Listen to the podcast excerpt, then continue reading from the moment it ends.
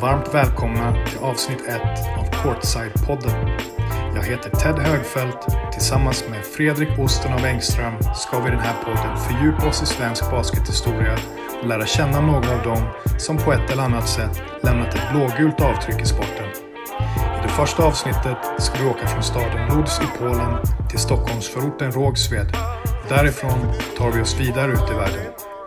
Det är ingen mindre än Maciej Lampe som sitter i förarsätet. En spelare som kom att fostras i polisen basket och skolas av den oförtjänt anonyme och obeaktade tränaren Jocke Samuelsson. Idag är det Maciejs historia vi ska lyssna på.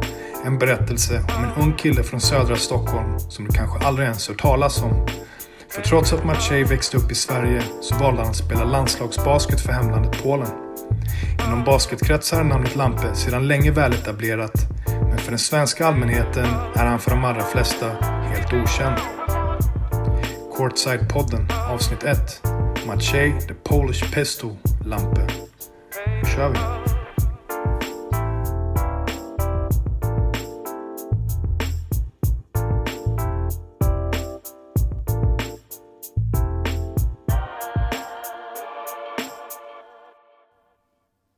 Hej och välkomna till Courtside-podden.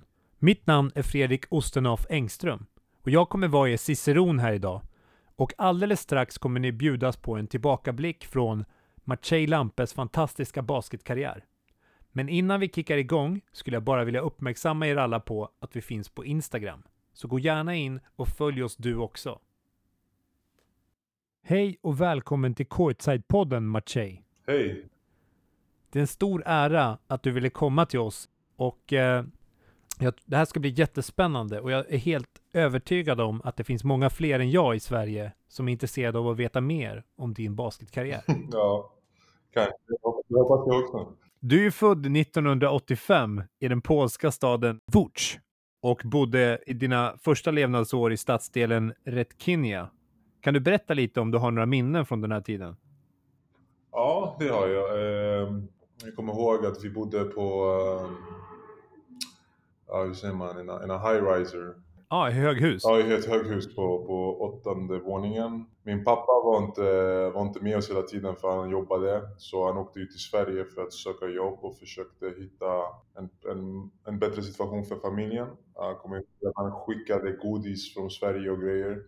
Det var första gången jag, jag provade lakrits. Jag trodde det var något skämt liksom. Vad gör jag? Men jag hade det bra. Jag var, jag var, jag var, ganska, jag var alltid stor.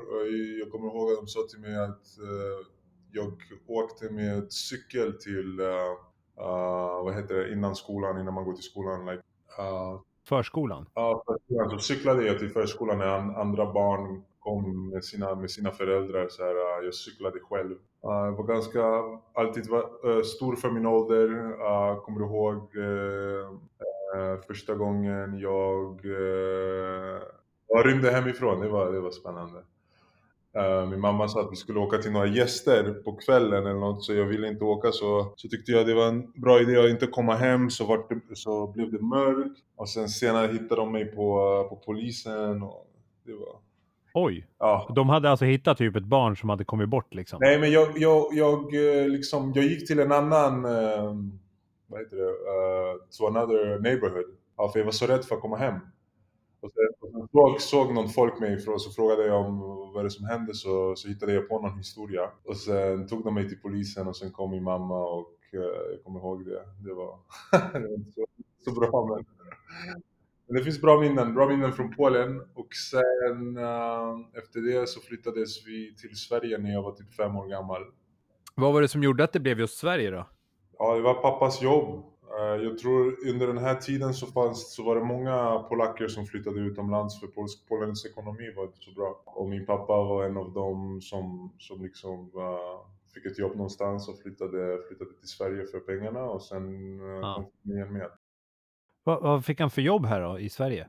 I början så var det så här, han plockade, vad heter det, han plockade apples.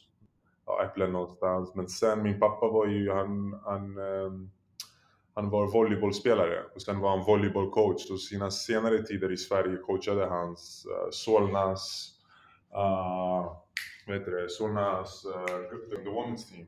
Damlaget? Ja, damlaget i Solna coachade han innan han flyttade till Spanien. Ni hamnade ju i Rågsved i södra Stockholm. Ja, det var, det, det var inte, i början så bodde vi i många, vi, alltså jag flyttade runt många, många gånger innan vi, innan, det, innan vi hittade vår lägenhet. Ja, vi, vi bodde i Årsta, vi bodde i Bandhagen, jag vet inte, vi, jag kommer inte ihåg, jag var ju så liten men vi bodde på flera ställen innan det var dags för mig att börja skolan. Så jag kommer inte ihåg, hur, hur, hur, hur gammal är man när man börjar ettan typ i Sverige? Sju. Typ sju när vi flyttade till Rågsved, men det var inte samma ställe i Rågsved som, som vi hittade sen. Uh, först bodde vi ett ställe i Rågsved och, se, och senare när jag var lite äldre så flyttade vi till ett annat ställe i Rågsved. Ah. Och, sen, uh, och sen är det Gilderbacken, där jag bodde på, för att vi hittade en duplex som var också en high-riser. Uh, och så hade vi åtta, åttonde och, ni, och nionde våningen så det var en, en, ganska nice lägenhet där vi, där vi äntligen hittade någonting som var bra för oss och, och, så bodde vi där tills det var, det var dags att dra till Spanien. Okej, okay. men du, du nämnde ju innan att din pappa var volleybollspelare och det är ju så att du kommer ju från en ganska sportintresserad familj vad jag förstår och det var inte bara han som höll på med idrott. Kan du berätta lite mer? Ja, min mamma uh, i Polen var idrottslärare i någon skola.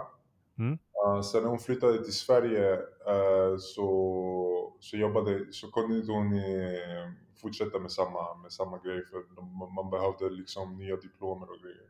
Uh. Så, och min farfar också, han var, han var en atlet. Han, säger man det på svenska? Diskus liksom. Diskus, ja precis. Diskuskastare. Ja, han var stor, han var två, han var två meter fem tror jag. Jag träffade aldrig honom för han dog innan jag, jag var född. Men han var en stor, eh, en stor kille. Han skulle åka till olympiaden men då kriget äh, hände så han kunde inte åka till olympiaden.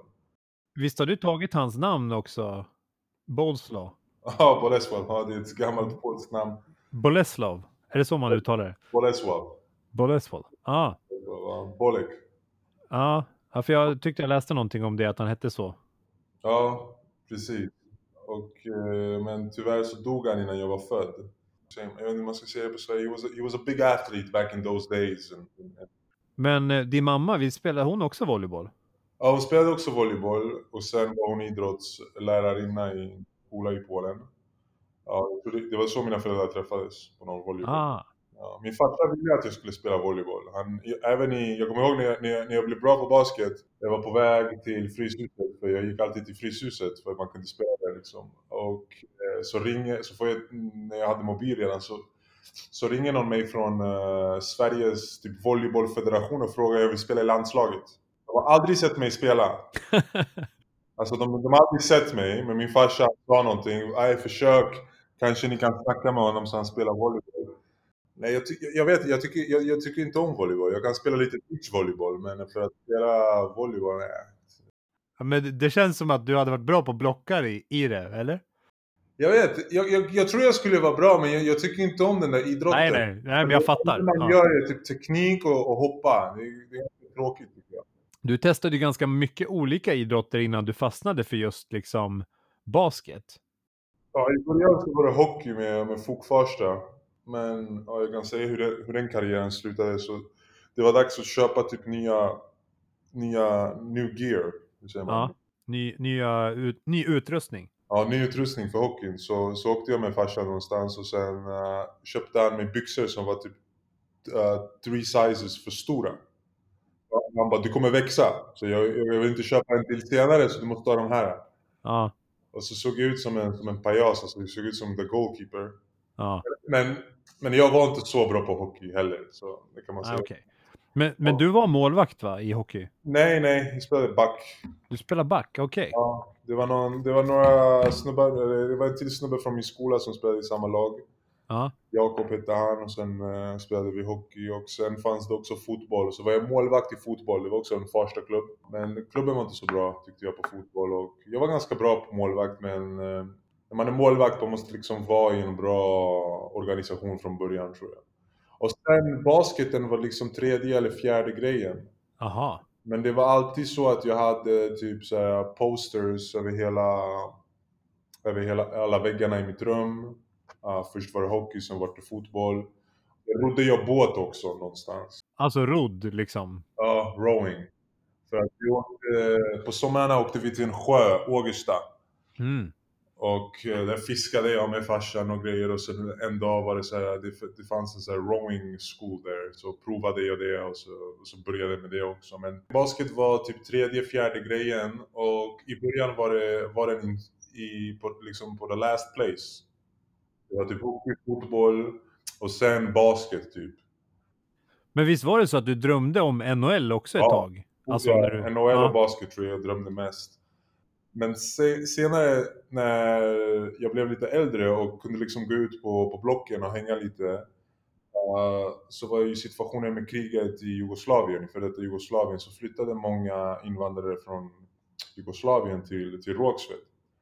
De började spela basket uh, på, på platsen och det var, det, det var där allting liksom tog av. För nu fanns det, nu kunde de verkligen spela. Det var, det var killar som var äldre än mig, som kom från det här landet där basket är första sporten. Så började de lira liksom tre mot tre och det var där uh, grejen tog av. Och, och också att Damir Markota, eller Damir Omerhodic, uh, han då uh, flyttade till Rågsved också och vi, vi utvecklades tillsammans. Damir, andra svensken i NBA. Stämmer. I eh, Milwaukee Bucks. Ja. ja. Men du, eh, innan vi lämnar hockeyn här, jag bara tänkte så här, har du de tre bästa svenska hockeyspelarna genom tiderna? Ja, det var så länge sedan jag höll på med hockey. Nu kollar jag inte ens så mycket. på När den kommer på ESPN, eh, jag var ju en Gretzky-fan, tror jag. Ja, jag tror Gretzky var, var ju som Michael Jordan i hockey på de tiderna.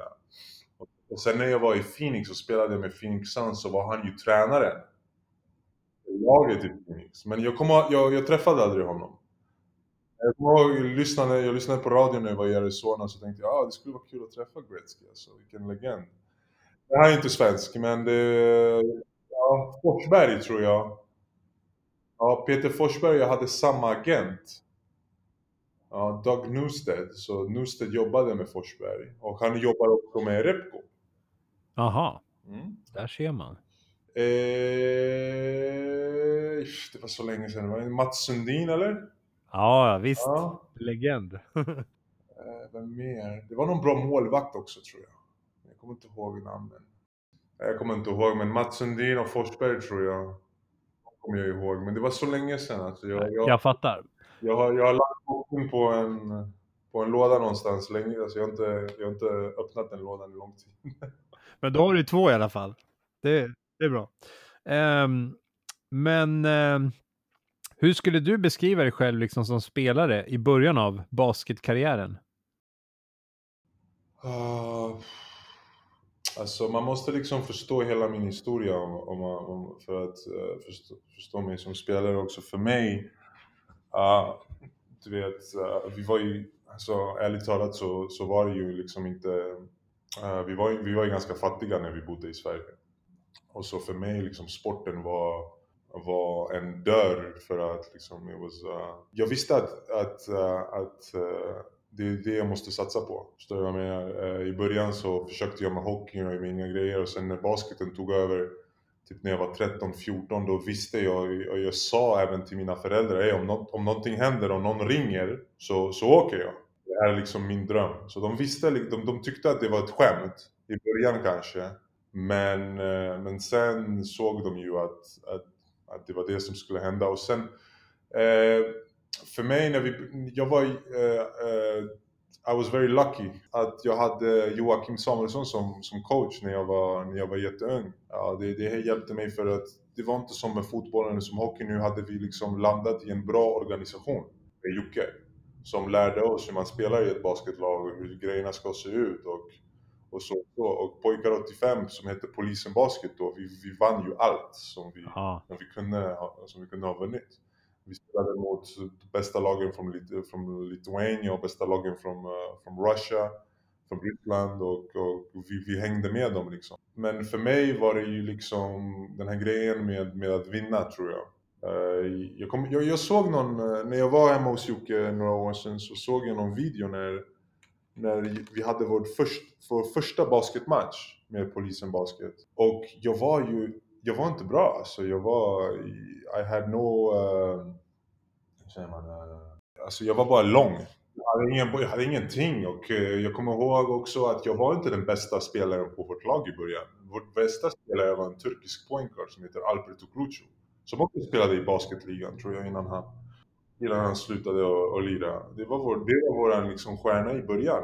Sen när vi började spela det och, och, och, vi lärde oss hur man gör en layup på vänster sida och höger sida och, och Jocke lärde oss liksom fundamentals och då med min längd och med, eh, med också kolla på basket på TV och kolla på Chicago Bulls och kolla på de här matcherna och också med den här hjälpen som jag hade i min, eh, mitt kvarter med att börja, när jag kunde spela, det, spela med uh, killar från Jugoslavien som hade bra teknik och, och, uh, och liksom leva den här, den här basketen, inte bara i klubben men också hemma Mm. Och när jag går ut och leker typ. Och sen också förstå att alla i min familj typ försökte med sporten men inte lyckades. Man, man visste ju inte det när man var liten men det fanns mycket pressure ah på, på, på en själv liksom att, att lyckas. Och eh, det, det, var ju den här vägen man, man, ville ta och det fanns liksom inte många andra options. Skolan gick ju ganska bra uh, för mig typ i mellanstadiet. Men sen när basketen tog över, då var det liksom lite så secondary. Jag, jag, var också, jag, hade, jag var ju lycklig också att jag gick i en skola som när jag gick där tyckte jag inte om det. Eh, skolan, men den, den gjorde mig jättebra för den lärde mig disciplin. Jag gick i en eh, katolsk skola med nynner från Tyskland, Sankt Eriks katolska skola i Enskede. Uh, läxor varje dag. Det var, det var en ganska strikt skola, men, uh, men det gjorde mig bra även om jag inte liksom gick ut den här skolan. För jag, jag gick ut ju, vad heter det, grundskolan i Spanien, så nian slut, uh, avslutade jag liksom i Spanien, mitt sista år i grundskolan. Den, den, den gav mig så jävla mycket att nu när man tänker de här grejerna så, så även nu, jag åker tillbaka och, och när jag är i Sverige och hälsar på och tackar liksom lärarna som känner mig och sådär. Ja. Men du, jag tänker på Jocke som vi snackade om lite innan. Uh, han har ju verkligen en speciell förmåga att ta hand om och utveckla unga talanger. Vad är det liksom som gör Jocke så speciell? Liksom?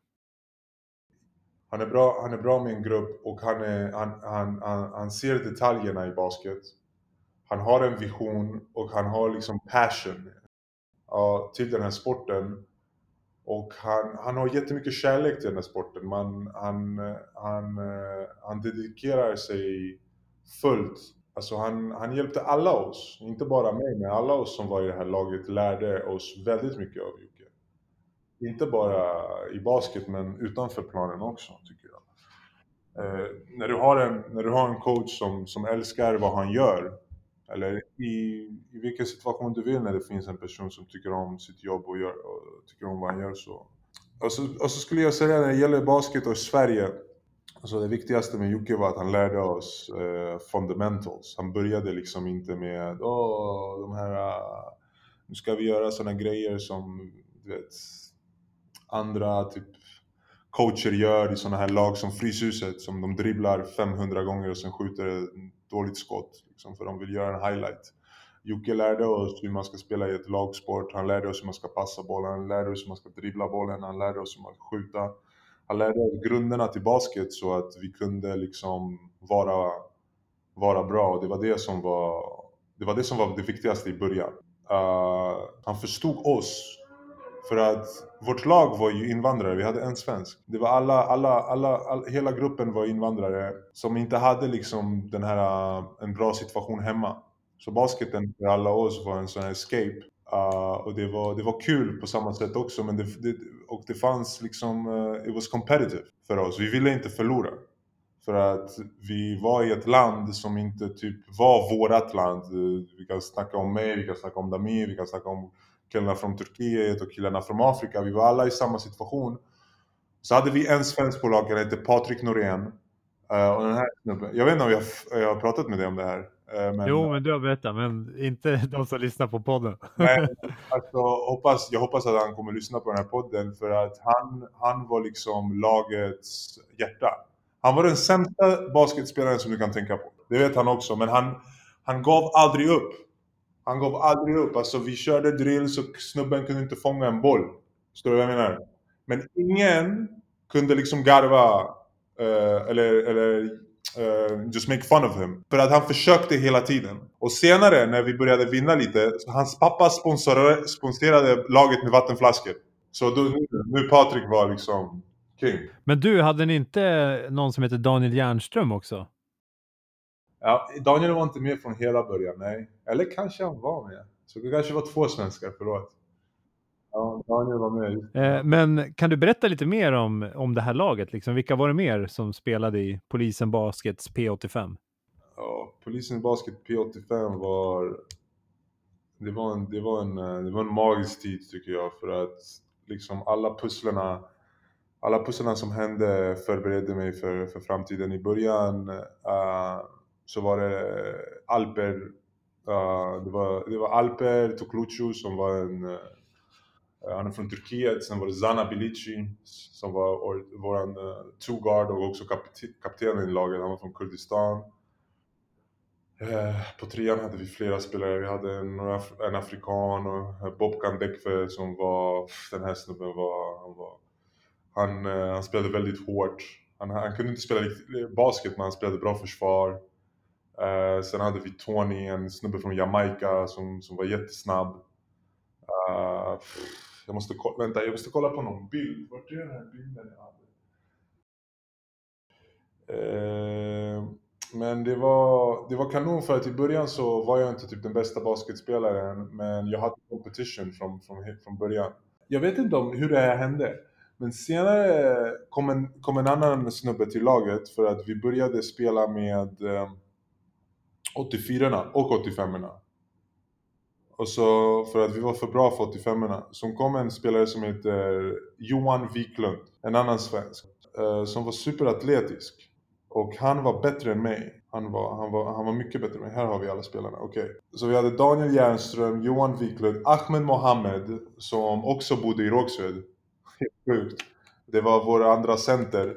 Att nu är komiker. Damir Sen den här snubben, det var någon grek också som inte kommer inte ihåg hans namn nu. Sen var det Zanabilici. Sen var det de här två garden, en var, en var från någon, någon och Alex Nedic hade vi också. Uff. Alex Nedic uh, ehm, var en sån här typisk jugoslav som var inte rädd för någonting. Och om man måste slå någon så slår han någon. Liksom. Den, den är, alltså, mer jugoslav än Alex kan man inte hitta. Så var det Alper Koni. Det här var vårt lag typ innan alla splittades. Ni är ju verkligen ett mytomspunnet lag och liksom många har ju påstått också att ni var det bästa laget i Europa i er årskull. Eh, och varför tror du liksom att ni var så himla speciella liksom? Vi var speciella för att vi alla hade liksom vår historia utanför basketplan. Och sen hade vi, jag, tror, jag trodde vi, vi hade längd. Vi hade längd med mig och Damir. Och sen Namir kunde skjuta, så i början av basketen, eh, när man börjar spela och man har två så här långa killar och en som kan skjuta en superlång så börjar liksom hype. Ja, det kan vara bra liksom. Och så hade vi ganska bra guard som kunde passa bollen. Vi hade en bra grund liksom i början. Mm. Uh, och sen Jocke gjorde ett jättebra jobb med att motivera oss alltid. Sen hade vi våra föräldrar också. Damirs farsa och min pappa. Alltså min, min pappa gick till basketmatcherna och skrek på våra spelare för att de inte passade med bollen. Och när Damirs farsa kom så var det, så var det show alltså. Det var, vi skrämde folk. De, de kunde typ inte prata svenska, men de var stora killar och, och de skrek väldigt mycket. Som, som i den tiden och även nu när det gäller sport i Sverige, du vet, det måste ju vara kul. Det måste ju vara fint och kul. Och så kommer de här uh, snubbarna in som skriker på domarna och, och på alla spelare. Så, så det var liksom, det var en show. Det var, det var en show. Och, och sen hade vi, och sen, kommer jag ihåg när vi, fick, när vi fick våra vad heter det, kläder för att spela, overallerna. Och också hur vi betedde oss. Vi, vi betedde oss med disciplin. Det var alltid liksom vi kommer ut på planen tillsammans, vi värmer upp tillsammans. Jocke hade oss, I mean he was strict, han hade oss, han hade kontroll. Speciellt i början. Sen var det lite svårare för honom, men, men i början så liksom, vi värmde upp tillsammans innan vi gick på planen och sen kom vi ut tillsammans. Vi läggde våra väskor tillsammans, vi körde våra layup drills tillsammans. Och sen förutom, alltså, alltså folk såg koncentrationen i vårt lag innan matchen började. Och det fanns inte i Sverige. Det fanns, för, för basketen i Sverige var ju, det, den var ju så ny, även nu är den så ganska ny, eller hur? Så att Absolut. när man ser killar, två, 12 år gamla liksom, som kommer ut tillsammans, alla klädda tillsammans, eh, på samma nivå, eh, alltså koncentrationen på samma grej då. Eh, det var liksom annorlunda, folk såg inte det i Sverige. Även när vi spelade, jag kommer ihåg när vi spelade mot Södertälje. Södertälje hade många killar också. De hade många svenska killar i, i 85-gruppen. Som vi, såg, vi såg alltid dem i finalerna och jag kommer ihåg när, när de krossade många lag och vi, vi krossade många lag och så såg vi dem i finalen, vi spelade mot dem. De var, de var egentligen större, starkare, bättre men, men vår eh, mentalt var vi, var- vi var förberedda för grejer som inte de var för, förberedda på. Men ni kallades ju för Team 2000 och typ vann ju i princip allt man kunde vinna, bland annat Nordiska mästerskapen, Scania Cup, Stockholmsmästerskapen, SM, Göteborgs basketfestival, Norrköping, you name it. Alltså, hur kändes det? Ja, jag kommer ihåg det. Det började med, jag vet inte om det var Norrköping eller Enköping, vår första turnering. Ja, Vi åkte, och det var, det var i början av allas eh, karriär, det var vår första turnering som ett lag. Och vi vann mot HMNKI, ett finskt Mm. lag. Och Jocke gjorde en eh, film om den här turneringen. En dokumentär. Och den finns ju nu, den heter Vägen till guld. aha. Så när jag släpper min bok så tänkte jag nämna Vägen till guld också. Hoppas man kan få se den där filmen någon gång. ja, ja. Men du, eh, ni åkte ju också på en hel del kupper utomlands och blev inbjudna till turneringar för att möta liksom de bästa lagen i Ryssland, Finland, Estland och ja, men Litauen och sådär. Och du, ni mötte väl en ung Linas Kleisa, va? ja. Visst var det så? Jaha. Han var bra. Ja, eh, det måste ju ha varit liksom ganska ovanligt för svenska ungdomslag att åka runt så här mycket som ni gjorde liksom. Jag vet inte. För oss var det, var det ganska vanligt tror jag. Oss var det bra. Jag vet inte vad, vad andra lag gjorde. Det var inte så vi hade kontakt med andra lagen då. Nej, okej. Men du blev ju även Scania King två år på raken. Ja, det, det, det, Och jag har för mig att du är ganska ensam om att ha vunnit den utmärkelsen, trots att du inte var med i det vinnande laget i andra året. Ja, vi förlorade mot Solna. Och så, men du blev eh, Scania King ändå? Ja, jag vet inte varför de gav mig den. De kanske såg mig att jag var ledsen för att jag. Men Kleiza, Kleiza kommer jag ihåg väldigt väl. För han var, jag tror, inte, jag tror han var 85 eller 84. Han är 85 En 85 och eh, han var bra. Han var bra. Han var stark. Han hade en nice hookshot. Och han var, man, jag var, jag var avundsjuk. Kommer ihåg vi spelade med någon turnering någonstans, jag vet inte vart det var och hans lag vann allting. Han fick fett med många bra priser, han, han, var, han var jätteduktig. Ja. Men, eh, och sen spelade ju han i Denver Nuggets eller i NBA. Ja, men precis. Eh, Men nu spelar han inte. Inte längre. Nej. Nej. Men du, eh, Thomas Massamba, han Ja. kom ju från Linköping och han var faktiskt en av de som jag pratat med som, som sa att ni var ett av de bästa lagen i Europa i er, er årskull. Har du något minne av liksom när ni träffades? Nej, jag, eh, faktiskt inte. Men Massamba, jag, kommer, jag, kommer, jag vet bara nu att han har varit uh, involved med landslaget. Eh, från mina tider så kommer jag ihåg Oliveri Lunga och hans bröder. Eh, och så fanns det någon annan snubbe som var lång också och kunde hoppa lite. Jag gick ju alltid till Fryshuset och spela. För att i Fryshuset fick man komma in och lira basket. Det var ett öppet hus typ. Så efter skolan åkte jag till Fryshuset. När jag inte hade träning åkte jag till Fryshuset. Jag var i Fryshuset hela tiden. Och de här killarna de spelade typ för Capitals eller för 08 eller vad fan de hette. Mm. Och så kommer jag ihåg att jag kollade alltid på träningarna, 08s träningar med David Fisher som var coachen. Så det var, det var också jätte, jättebra för mig att liksom, det enda de sa till mig, studsa inte bollen när, när coachen pratar så får du kolla. Så det hjälpte mig också. Sen innan, innan jag drog till Madrid så Alvik typ, eller 08 typ, eh, de ville skriva på kontrakt med mig och grejer. Och sen också, eh, vad heter eh, den här uh, mannen som dog, som var ju chef av Fryshuset? Eh, ja, men precis. Han hette ju Anders Karlberg. Ja, just det, Karlberg. Uh, wow. Uh, han, eh, han, han kollade ju på mig. Han, han liksom kom ner och kollade på mig och pratade med mig mycket. Och försökte kanske få mig att skriva på i det här laget för att typ spelade, för att spela. Men de hade ju inte mycket ekonomi liksom för att för att hjälpa mig. Men han, han hjälpte mig mycket i min karriär och han också gav min, papp, min pappa ett jobb innan vi drog till Spanien och min pappa jobbade som uh, idrottslärare i den här uh, gymnasiet där. I huset. Shit vad grymt. Ja. Men du, jag pratade ju lite med Jocke Samuelsson inför den här intervjun och frågade om han hade några minnen från den här tiden. Ja. Och en sak som han aldrig kommer glömma var när ni skulle åka på en turnering i Finland uh-huh. så, så var det så att hela laget passade på liksom att utforska båten. Och efter ett tag så insåg man att vad fan, vart är lampor någonstans? Och ingen visste liksom vart det var och alla började leta så här. Och så liksom till slut så hittade de dig i hytten. Du låg liksom på din säng och förberedde dig mentalt inför de här matcherna som ni skulle spela och gick igenom olika spel i huvudet för dig själv. Ja. Och där och då så insåg Jocke liksom vilken enorm passion och dedikation du hade för basket liksom. Ja, jag, jag vet vad han pratar om. Ja. Ja. För för mig, jag åkte ju alltid på båt. När, jag, när vi åkte från Sverige till Polen så tog vi båt. Ja. Uh, så det var inte så här en ny grej för mig att hoppa på den här båten. Men för alla, alla spelare, det var typ så här. De har aldrig gjort det så de gick runt båten och började liksom. Så för mig, jag vet inte, jag, jag typ uh, tog, tog det lugnt typ och jag vet inte, tänkte på basket. Ja, ja helt rätt. Men du, en annan grej var också när ni spelade en match i Nacka så stötte Jocke på någon coach från något estländskt lag som var helt lyrisk över hur fenomenalt duktig du var på basket liksom.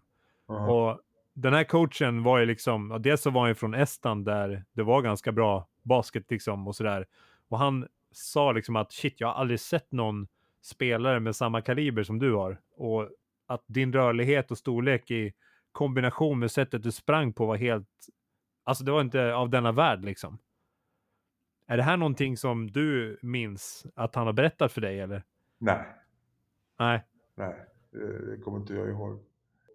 Ja, så många spelare när man är ung som, som, uh, som försöker sälja dig drömmar. Grejen med mig, jag var lång och jag var jag vet inte hur det är bra. I början hade jag inte bra koordination men med tiden uh, blev det lite bättre.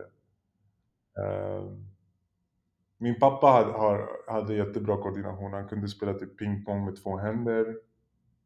Uh, med båda händerna menar jag. Lirade ni basket någonting ihop också eller? Nej, men min pappa var det mer... Han, han tränade mitt skott lite, han tränade min touch. Han hade bra händer för han spelade volleyboll så han hade liksom bra touch på bollen. Eh, och sen var det så här, med han var det mer mentalt. Typ eh, 40 poäng. Kommer hem med 40 poäng och så säger han typ, ja men vem spelar du mot? Ja. Och så, där. så det var så mentala krig med honom mer. Ja. Och han tyckte att 40 var lite då eller? Nej, han var glad men han hade, all, han hade alltid något att, att säga. Och han, eh, och det, han, gjorde, han, gjorde, han gjorde bra. Min mamma typ ibland säger ja men kan du inte vara glad? Typ, eller så. Men han var, han var ärlig och, och det var bra för mig. Det var bra för mig tyckte jag. För att en grej är att spela typ basket i Sverige och en annan grej är att spela basket i ett basketland. Ja. Och sen hade han alltid, när han kom på matcherna så hade han alltid något att säga. Så, Ej, det här kunde du gjort bättre. Eller Mm. om han gör det här, gör det här, försök sådär. Och försök röra dig på det här sättet. Så, sådana grejer. Mm. Men du och ett par andra spelare i polisen fick ju tidigt ögonen på er från olika landslag. Kan du berätta hur tankarna gick när ditt hemland Polen ville att du skulle spela för dem istället för Sverige? Där du har kommit att växa upp. För mig var det alltid att spela mot de bästa. Mm. Och sen senare när jag inte spelade med polisen, för att jag började träna med 84 från Capitals. Jag ville spela med Oliver och de här gubbarna för att de var lite bättre än mitt lag. Och det tyckte inte polisen basket om senare och sen typ uh, they, took, they took a vote if I should, if, om jag borde continue eller uh, säger man, fortsätta spela i, i laget. Jaha, ja. typ som Zlatan då? Nej. Ja, och de votade ut mig för nu tyckte de att nu kan vi spela lite. N när man tränade med mig så var det alltid så här uh, seriöst. Ja. Och när vi var typ 14 så började många att släppa den seriösen och larva sig mer och mer. Uh, Jocke också typ tappade lite kontroll av laget i de här tiderna för att du vet, när man är 14-15 nu är man typ inte barn längre. Och det var, det var, så, jag, så jag försökte alltid att spela mot de bästa och träna mot de bästa. Och det var samma sak med landslaget. Jag kommer ihåg med när det var, när det var snack om landslaget och sådär. Så gick vi, alltså Sveriges landslaget, de försökte ju. Jag kommer ihåg att jag kunde inte åka med på någon turnering samma dag för jag hade skola. Och Så nästa dag typ flög jag in någonstans norrut i Sverige. Luleå? Och, ja, Luleå. Så väntade de på mig. Alltså jag kom in från, eh, från the airport. Eh, och, och de eh, klog inte på tolfte spelaren för att jag kunde komma och spela typ i andra halvleken. Förstår du vad jag menar? jag fattar. Ja, så, så gjorde de det och sen det var jag, Alper och Damir. Och så började de prata med oss liksom om landslaget och grejer men de borde inte egentligen prata med oss, de borde försöka prata med våra, med våra föräldrar. Men min, min farsas tanke var ju så här: okej, okay, du är bra på basket, uh, du kan spela i ett landslag. Du vet att hemma pratar vi polska. Du, vet, du är från Polen. Så sa han, vill du spela med Sverige? Men jag var såhär, ja det kan jag göra. Mina kompisar spelar och sådär. Men så sa han, varför, varför försöker du inte med Polen och kolla om de är bättre? Jag bara okej. Okay. Så åker vi till Polen på sommaren ja. och börjar spela med ett, ett stadslag. Representera Łódź, som vi kallar Lodz. Ja. Och där träffade jag en av mina kompisar, Pavel Malesa. Var typ den bästa kadetten som jag har sett i mitt liv. Den här snubben dunkade. Han var typ, jag vet han var senior när han var kadett. Och eh, efter det så spelade vi så här en turnering mellan staderna, så gick det bra och så såg man att Polens basketnivå var högre. Och sen eh, åkte jag med kadetterna på en turnering till Portugal där vi spelade med landslaget med kadetterna och vann, tror jag, turneringen mot Frankrike i finalerna. Och sen ringde Real Madrid. Så för mig var det liksom alltid att försöka spela mot de bästa. Jag förstår. Men du, jag tänker på den här liksom, turneringen uppe i Luleå. Liksom, eh, du, du droppade ju bland annat 36 poäng mot Litauen i, i den turneringen. Ja. Eh, vad, vad sa folk efter den matchen? Alltså folk måste ju typ ha trillat av stolen.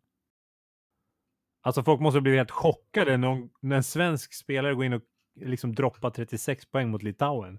Det lär ju inte ha hänt förut i, i svensk basket. Jag kommer ihåg eh, tjejernas landslag var också där. Shoman Amaka var där. Jag kommer ihåg att vi åt någonstans tillsammans och så sa han 36 poäng, ja? Ja. Men eh, det var inte så något nytt för mig, typ. Det var inte så någon stor grej. Det var bara normalt. Nej, nej, okej. Okay. Tror jag. För mig i alla fall. Jag tror inte det var... Jag kommer ihåg första matchen jag spelade, jag kom in från flygplatsen, jag spelade dåligt. För det var säkert lite konstigt att börja lira så här utan uppvärmning och sådär, att de väntade på mig och så. Men senare gick det lite bättre, men... Eh, men det var, det var aldrig så att jag typ... Jag vet inte hur man kan förklara, alltså jag, jag tyckte inte att det var så här, eh, det var något konstigt. Det var, det var normalt. Ja, jag fattar. Men, men om man tänker utifrån Sveriges synpunkt så lär ju de ha varit väldigt chockade över hur pass bra du var med tanke på att de flög in dig till den här turneringen. De väntade in dig och att du kunde hoppa in i andra halvlek. Alltså det, det säger ju en del att de visste att du skulle vara... De försökte självklart att få mig att spela med, med svenska landslaget men min tanke var alltid så här. Uh, jag vill bara lira mot, mot den bästa och också det var lite så pressure from the family också. Men visst var det så också att för att spela med Sverige i mästerskap så var man tvungen att vara svensk medborgare? Jag tror det var ja, i, i något riktigt mästerskap, men det här var träningsturnering. Ja, precis. Ja. Och, och det gör ju också att eh, vad jag förstår så var reglerna annorlunda då mot hur det är nu. Att då var era föräldrar också tvungna att bli svenska medborgare för att ni skulle bli det innan ni blev fyllda 18. Jag vet, jag vet inte hur det var med det, men det var bra att vi blev medborgare. Ja, Ja, man, man behövde ha bott typ, eh, jag vet inte om det var åtta eller tio år i Sverige för att få, för att få papperna. absolut. Jag, jag tänkte mer bara att det lär ju ha kostat ganska mycket pengar också på den här tiden. Alltså att köpa medborgarskap eller? Jag vet inte hur det var, jag var för ung för att vara i de här konversa- konversationerna. Jag vet inte om, om Svenska Basketbollförbundet hjälpte oss. Jag tror inte det faktiskt. Om du frågar mig, jag tror inte det. Men, men jag vet att vi fick medborgarskap, vi fick svensk pass. Uh, och sen, Men det var efter du fyllde 18 va? Eller? nej, det var innan tror jag. Jag tror det var innan. Ja, ja, okej. Ja, jag tror det var innan. Det måste ha varit innan. Jag, jag, tror jag hade svensk pass innan jag åkte till Spanien. Aha. För jag kom ju när jag var fem och jag drog när jag var 15, så det är tio år där. Ah, okej. Mm. Men har du känt något så här missnöje från svenska landslaget och förbundet för att du inte valde att spela för dem? Nej, jag har mer missnöje för polska basketbollförbundet. Om jag ska vara Där ser man. För att du är svensk då eller? Nej, men, men, men min, min eh, när det gäller hela den här sagan om, om, om polska landslaget, så i början var det lite svårt för mig för jag hade en, en helt annan mentalitet än, än polska spelarna och polska ungdomarna i den här tiden. De, de, de hade, det, var ju, det var ju helt annan värld mellan Sverige och Polen när det gäller vår mentalitet mellan killarna. Ja. De förstod inte mig. För mig alltid var, allting var öppet. Jag kom in och typ så hade jag några idéer som de tyckte, alltså det var typ så här space travel för dem. Men jag bara, nej det, det kan vi göra. Vi kommer göra det här, vi kommer göra det här. Ska vi gå dit? Ska vi göra det? Det fanns, det fanns ingen rädsla i mig. Och de, var, de, de förstod inte liksom hur jag kan bete mig på det här sättet liksom. Så i början så var det lite, lite hårt för mig att jag var ju alltid typ bästa spelaren men ändå var det lite så här, det var mycket, it was a lot of uh, jealousy, hur säger man? Avundsjuka. Ja, det var mycket avundsjuka. eh, Du vet, är han polska? Han är inte ens från Polen, han har inte bott här och han kommer spela innan mig och det där och det där och det där. Det var, det var mycket sådana grejer ja, som hände och sen också när jag var äldre sen och spelade i NBA och kom in så var det dags för mig att spela innan de här stora polska stjärnorna som har varit typ spelat i Polen. Så, så då var avundsjuka där och började snacka skit och den här snubben han, han gör dumheter och sådär. Så det var mycket, mycket, mycket strul. Och jag har faktiskt, om jag, tyck, om jag, kommer, om jag kollar tillbaka nu och tänker på min karriär i polska landslaget. Eh, vad har de gett mig? Ingenting. Absolut ingenting. Även nu, jag har skadat mig två gånger, spelade för dem. Eh, de har inte betalat mig för att ta dem till VM. Sista gången jag var där så eh, behövde jag inte spela i andra matchen för vi var redan kvalificerade. Mm. Och det var när jag spelade min säsong i Kina så sa jag till dem att jag måste åka till Munich för att få en, en injection, uh, injektion i min, i min höft. Mm. För att fortsätta spela bra i Kina och sådär. Så de bara, nej du borde celebrera med laget. Jag bara, det här är ingen så stor grej för mig att vi har vi går till VM, vi borde ha gjort det. Alltså, bästa spelarna spelar inte för andra lagen. Om ni vill larva er och, och eh, tro att vi har vunnit VM-guld här så varsågod, men jag måste göra mina grejer. Och sen sa de ingenting, typ vart jag åkte och varför. Och sen var det så här lite strul med coachen för jag tyckte inte att han inte min, mina bästa intresse, mitt bästa intresse med min uh, hälsa. Så jag har alltid varit så här lite så här, eh, shady. Ja, väldigt shady. Och även nu, jag, kom- jag har ju pratat med dig om det här, även nu när, när nu, nu ringer de inte mig typ. För nu tror, tror de att jag inte kan spela mer, de tror jag är för gammal. Ja, så nu ringer jag dem inte. Så hade jag tänkt det skulle vara så jävla kul att kunna få spela med Sverige också. Ja, det var det, vi pratade ju om det. Ja, precis. Ja, och om det, om det skulle finnas någon möjlighet så skulle jag, skulle jag jättegärna göra det. Men när du berättar det här för mig för fem månader sedan så kopplade jag ihop det med generalsekreteraren Johan Stark. Eh, Vad har hänt sedan dess liksom? Har du hört någonting från Sverige Nej, om hur det går? Han sa ju att, eh, han gav mig så två exempel av spelarna som har eh, som har varit, det, det fanns möjlighet att spela för två länder. Och en av dem var Derdan Berisha för han spelade för Kosovo och med Polen. För att Kosovo var ju inte ett land. Ja. Ja, och, och så fanns det någon annan, eh, med också så här, krigsland som inte fanns och sen fanns det. Så, så han, han sa basically att det, det, det är inte möjligt. Jaha.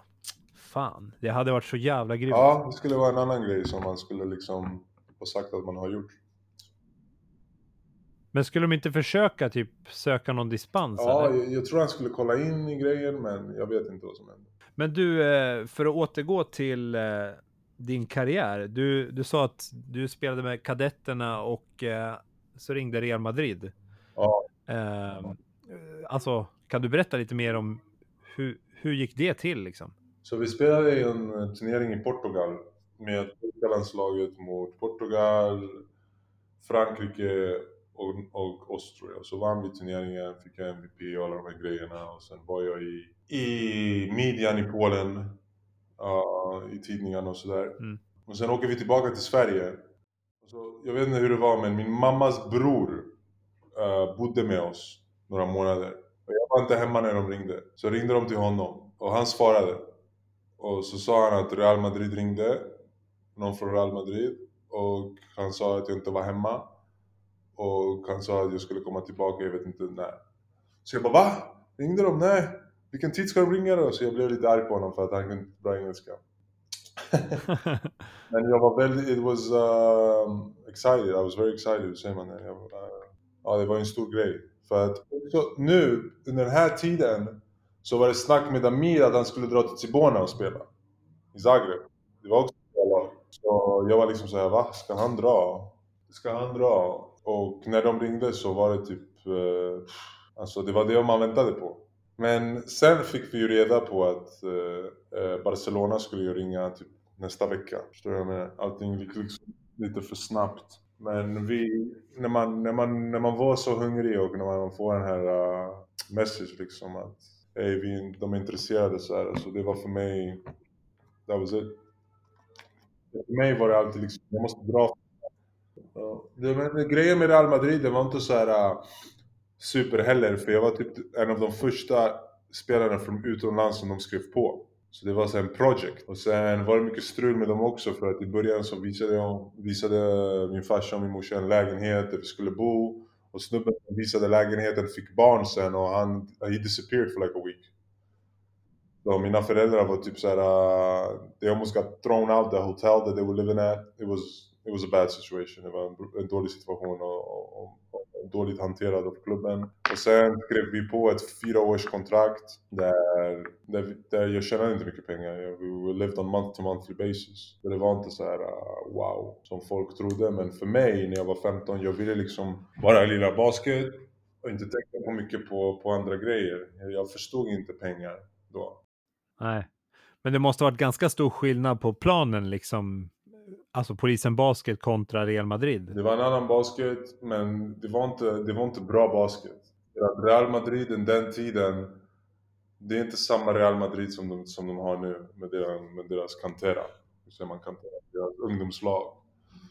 Det var mycket, det var dåligt organiserat. Det var, it wasn't, I'm gonna switch to English because I can't do this. The Swedish is messing with me. So it was, it was not a great, uh, it was not a good organization back in those days like it is now. Like now it's one of the best youth programs in the world. Back then, uh, and as far as my story is concerned, I was one of the first foreign players that they signed from another country. So when I arrived, uh, I wasn't able to play any games because I didn't have an address. I didn't. I didn't have medborgarskap. Uh, so it was, det, var, det var mycket strul också då. Så jag kommer ihåg min första året, jag spelade typ ingen match. Men grejen som, som hjälpte mig mycket är att de såg ju hur mycket jag ville. Jag ville liksom vara på planen hela tiden. Jag ville typ köra tre, fyra träningar om dagen. Jag ville träna med kadetterna, jag ville träna med juniorerna, jag ville träna med second lag, jag ville kolla på första lagets träning. Scariolo, Sergio Scariolo var, he was the coach. Och sen hände någonting uh, i Madrid när han typ började tappa kontroll av laget. Och deras stora spelare som Dragan Tarlac, Zan Tabak, Erik Strulens. uh, deras stora spelare var skadade Eller de ville, jag vet inte vad som hände, de ville, de ville, de ville inte, typ inte spela för Scariolo.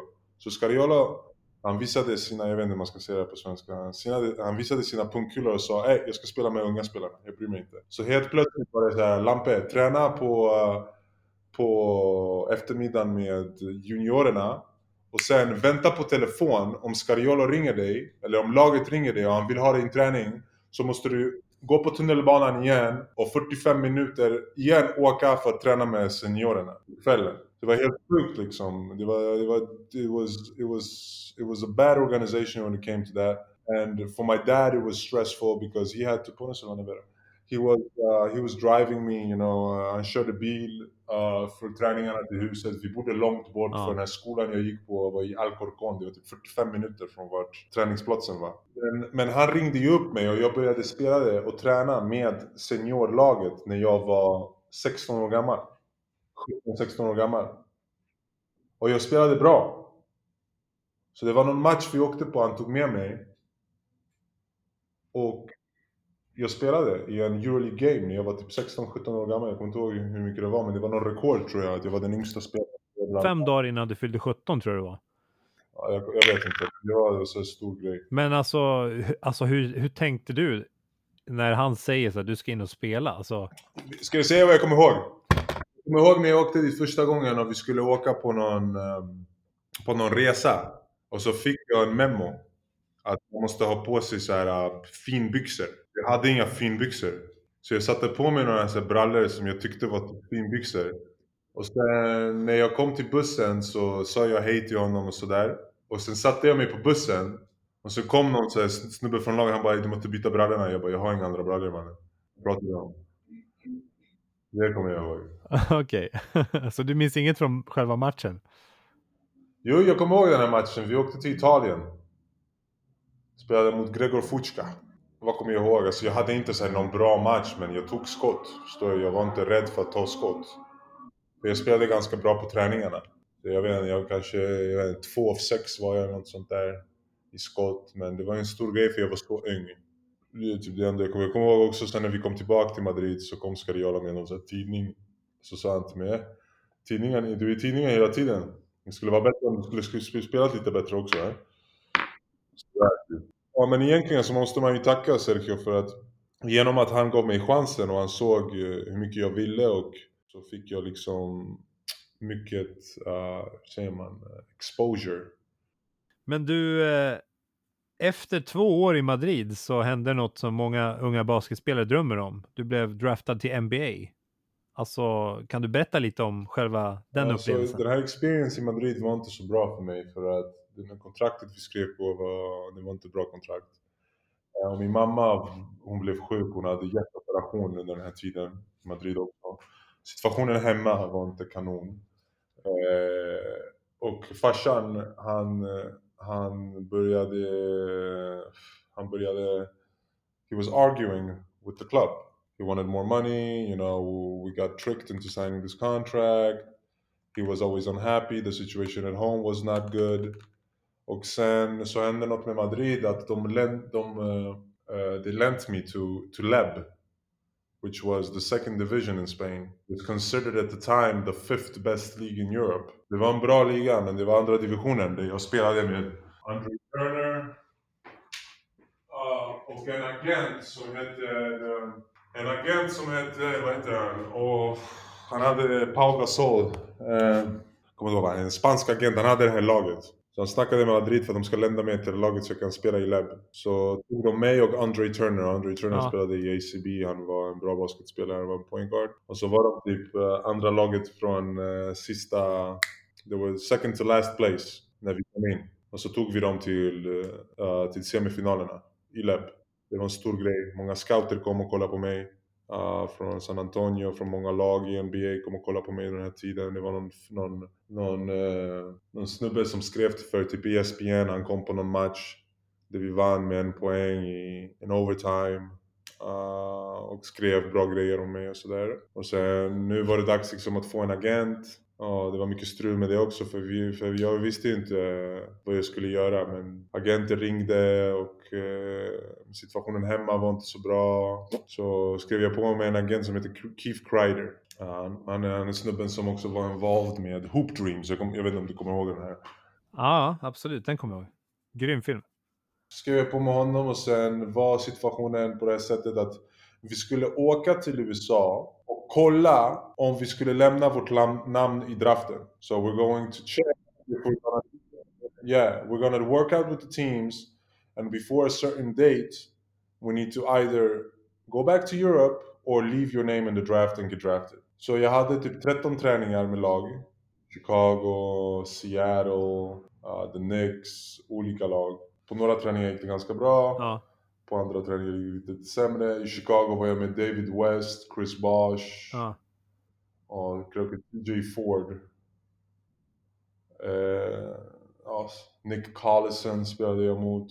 Och sen eh, skrev de bra om mig i median. Ja. Och så bestämde vi, okej, in the media, most of the newspapers and media outlets have me in the, in the lottery. Så lotteriet är topp 13. Så vi bestämde oss för att lämna mitt namn och fortsätta att vara i draften. Men jag hade 2 miljoner dollar buyout till Real Madrid. Och i de dagarna kunde bara NBA-laget eh, betala 350. Jaha. Tusen. Mm, uh, the rest was was going to have to come out of my contract. So I got drafted in the second round because of the because of the buyout situation, which was very poorly done with, with my agent, which did a, Så om du inte hade haft den grejen så hade du kanske gått tidigare då eller? yeah, I think I would I would have gone top nine. Uff, nummer nio i den där draften som anses av många experter vara typ den fetaste draftklassen någonsin liksom. Med LeBron James, Chris Bosh, Dwayne Wade, Carmelo Anthony. Ja, alltså shit. Det hade varit riktigt grymt. But it's still it it, it, it was it, it would have been a mistake. I was too young and I was not ready to play in the NBA, not at all. I just played in the second division in Spain. I was not ready to play in the best league in the world. But uh, so I got så jag blev draftad på andra rundan på grund av min buyout. Det enda bra grejen med att bli draftad i andra rundan är att nu kan liksom laget betala dig vad de vill och så spelade jag i Summer League. Två Summer League. En i Boston och en i Utah. I Boston var det jätte, jättehårt. Uh, för det var en annan basket, de var mycket, they were more athletic. So the first game we played against the Milwaukee Bucks and I'm guarding uh, Marcus Hayslip, like the most athletic four man in the world. Like insane. I got dunked on like 10 times. I mean, it was, it was embarrassing. Uh, but then I kind of picked up quickly of how I can adapt to the American style. And I just started to pick and pop and I just started to shoot. So by the time we played the second summer league in Utah, I made the All-Star team. Ja, du snittade väl sjut- 17,2 poäng och tog sju returer på 32 minuters speltid också. Nej, någonting sånt. Men jag, jag, jag blev utnämnd till, till, till All-Star Ja. den här League, så det var där de gav mig kontraktet. Liksom. Men ändå, så i, när jag spelade i NBA så var det liksom, här är din lön, här är taxes och här är buyout. Så efter tre år i NBA så hade jag 65 000 dollar i min bank account. Det var ju typ ingenting. Eller ingenting, det var inte mycket pengar. Och sen när jag spelade i Ryssland efter NBA och Real Madrid såg att det var bra för mig och såg att jag, jag eh, tjänade bra pengar ringer de upp och säger att eh, you owe us 350 000 more. Som jag betalade ut min ficka. Ut mitt konto. Va?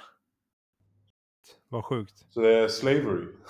Ja, skojar inte. Men eh, ja, shit. Men hur många år var det där kontraktet på som du skrev på första? Förstår du? Åtta års kontrakt så när du skriver på med du är 15. Åtta år? "Abo, när jag är 24 så kanske jag kommer vara en bra spelare. Shit alltså, vad de blåser folk. Ja, men det var, det, var, det var vårt fel för min farsa hade he, he had pressure from me. Uh, he, det, var, det var så här, uh, jag vet inte, det var, det var, it, it was, it was uh, handled poorly. It was the wrong deal to sign because if we would have just waited, uh, we would have we would have gotten a lot better deal. And, I mean, next week we would have had double. Ja. The week after that we would have had double. But my parents had no money. They were stuck. They were like, we just moved everything in our car. Vi kom med bilen till, till Spanien. Vi har typ tre kronor kvar. Vi har inga pengar. Vi vet inte vart vi ska bo. Om inte vi skriver på med det här laget. Vi vet inte om vi kommer hem. Så vi skrev på det här kontraktet och, och sen gick det så det gick. Men eh, som du säkert har märkt så har ju väldigt många basketspelare den senaste tiden upptäckt WNBA och börjat intressera sig mer och mer för de här grymma basketspelarna. Och eh, när, men när man googlar ditt namn så, och New York Knicks så hittar man faktiskt några bilder från 2003 när du var på en WNBA-match.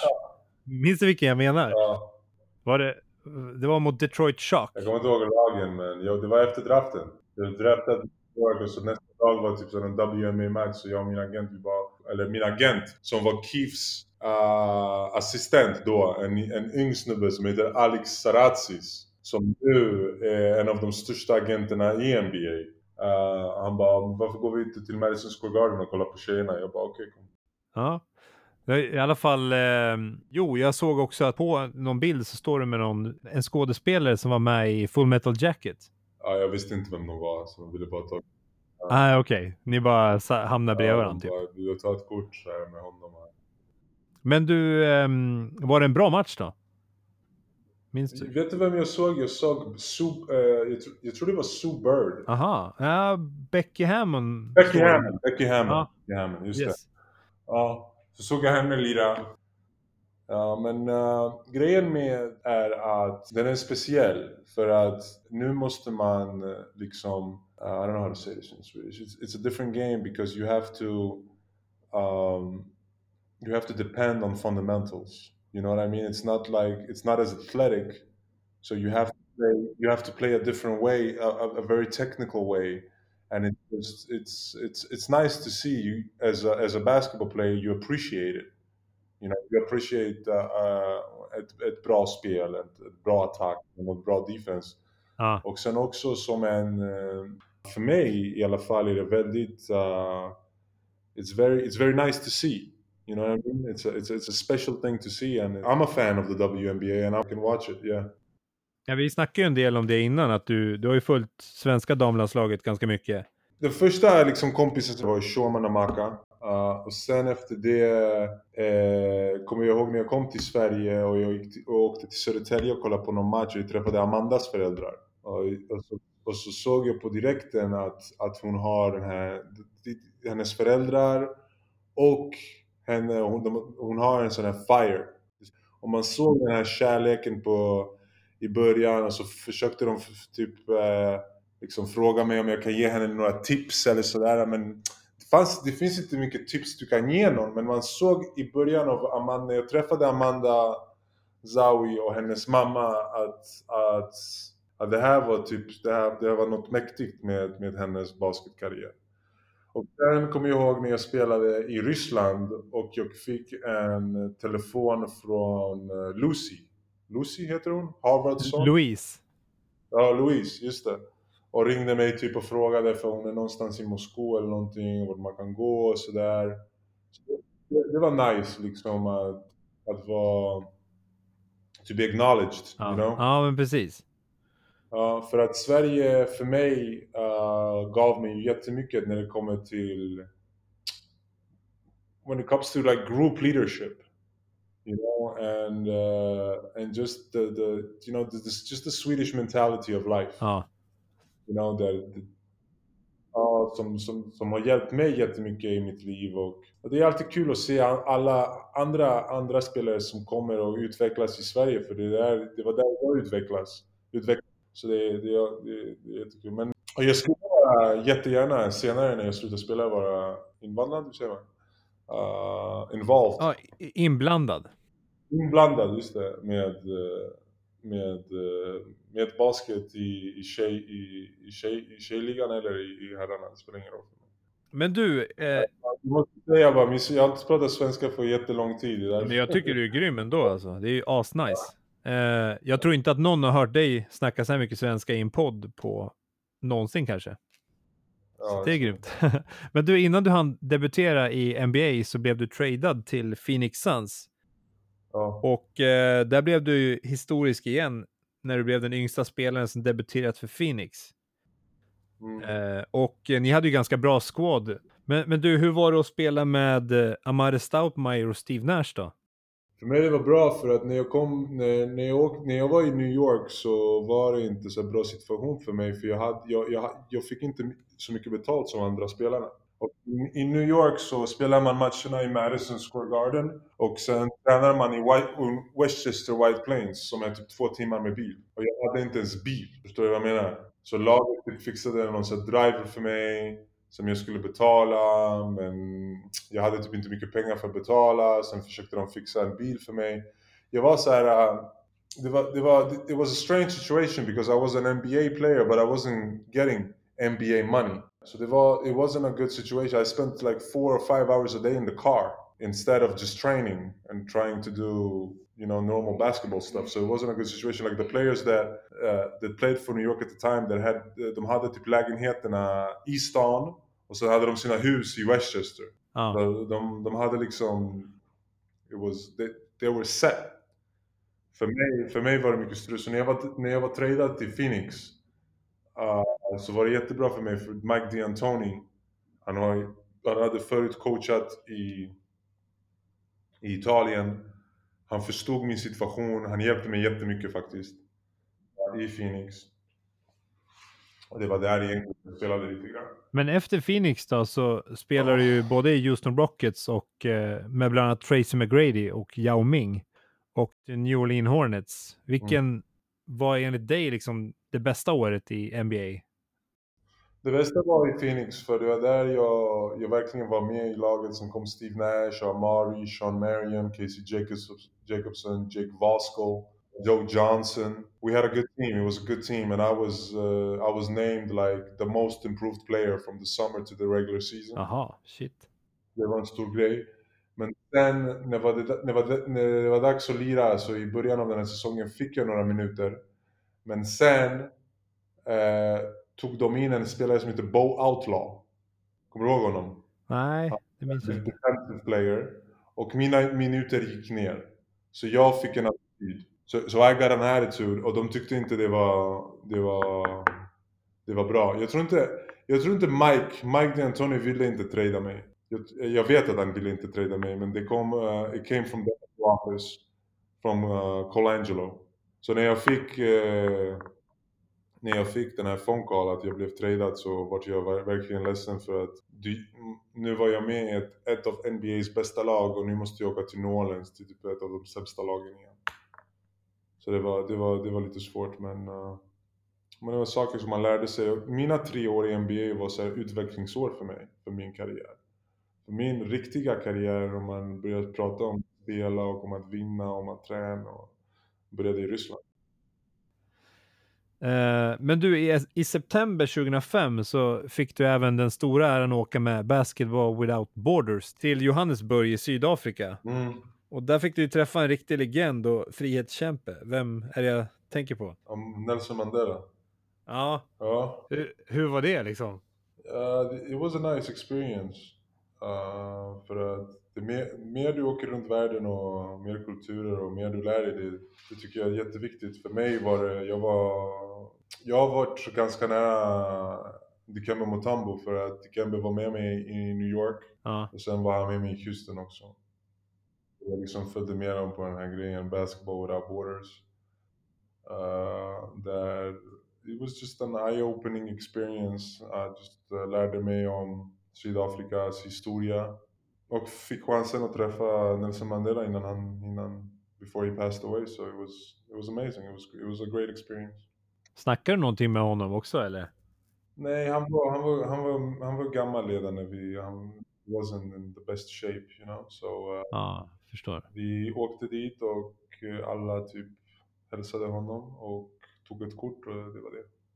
Det är många som drömmer om NBA och sådär och vad, vad, tror du är det som gjorde att du lyckades ta dig hela vägen dit? Jag pratade om några dagar om det här med någon för att vi började prata om Mario Hezonja.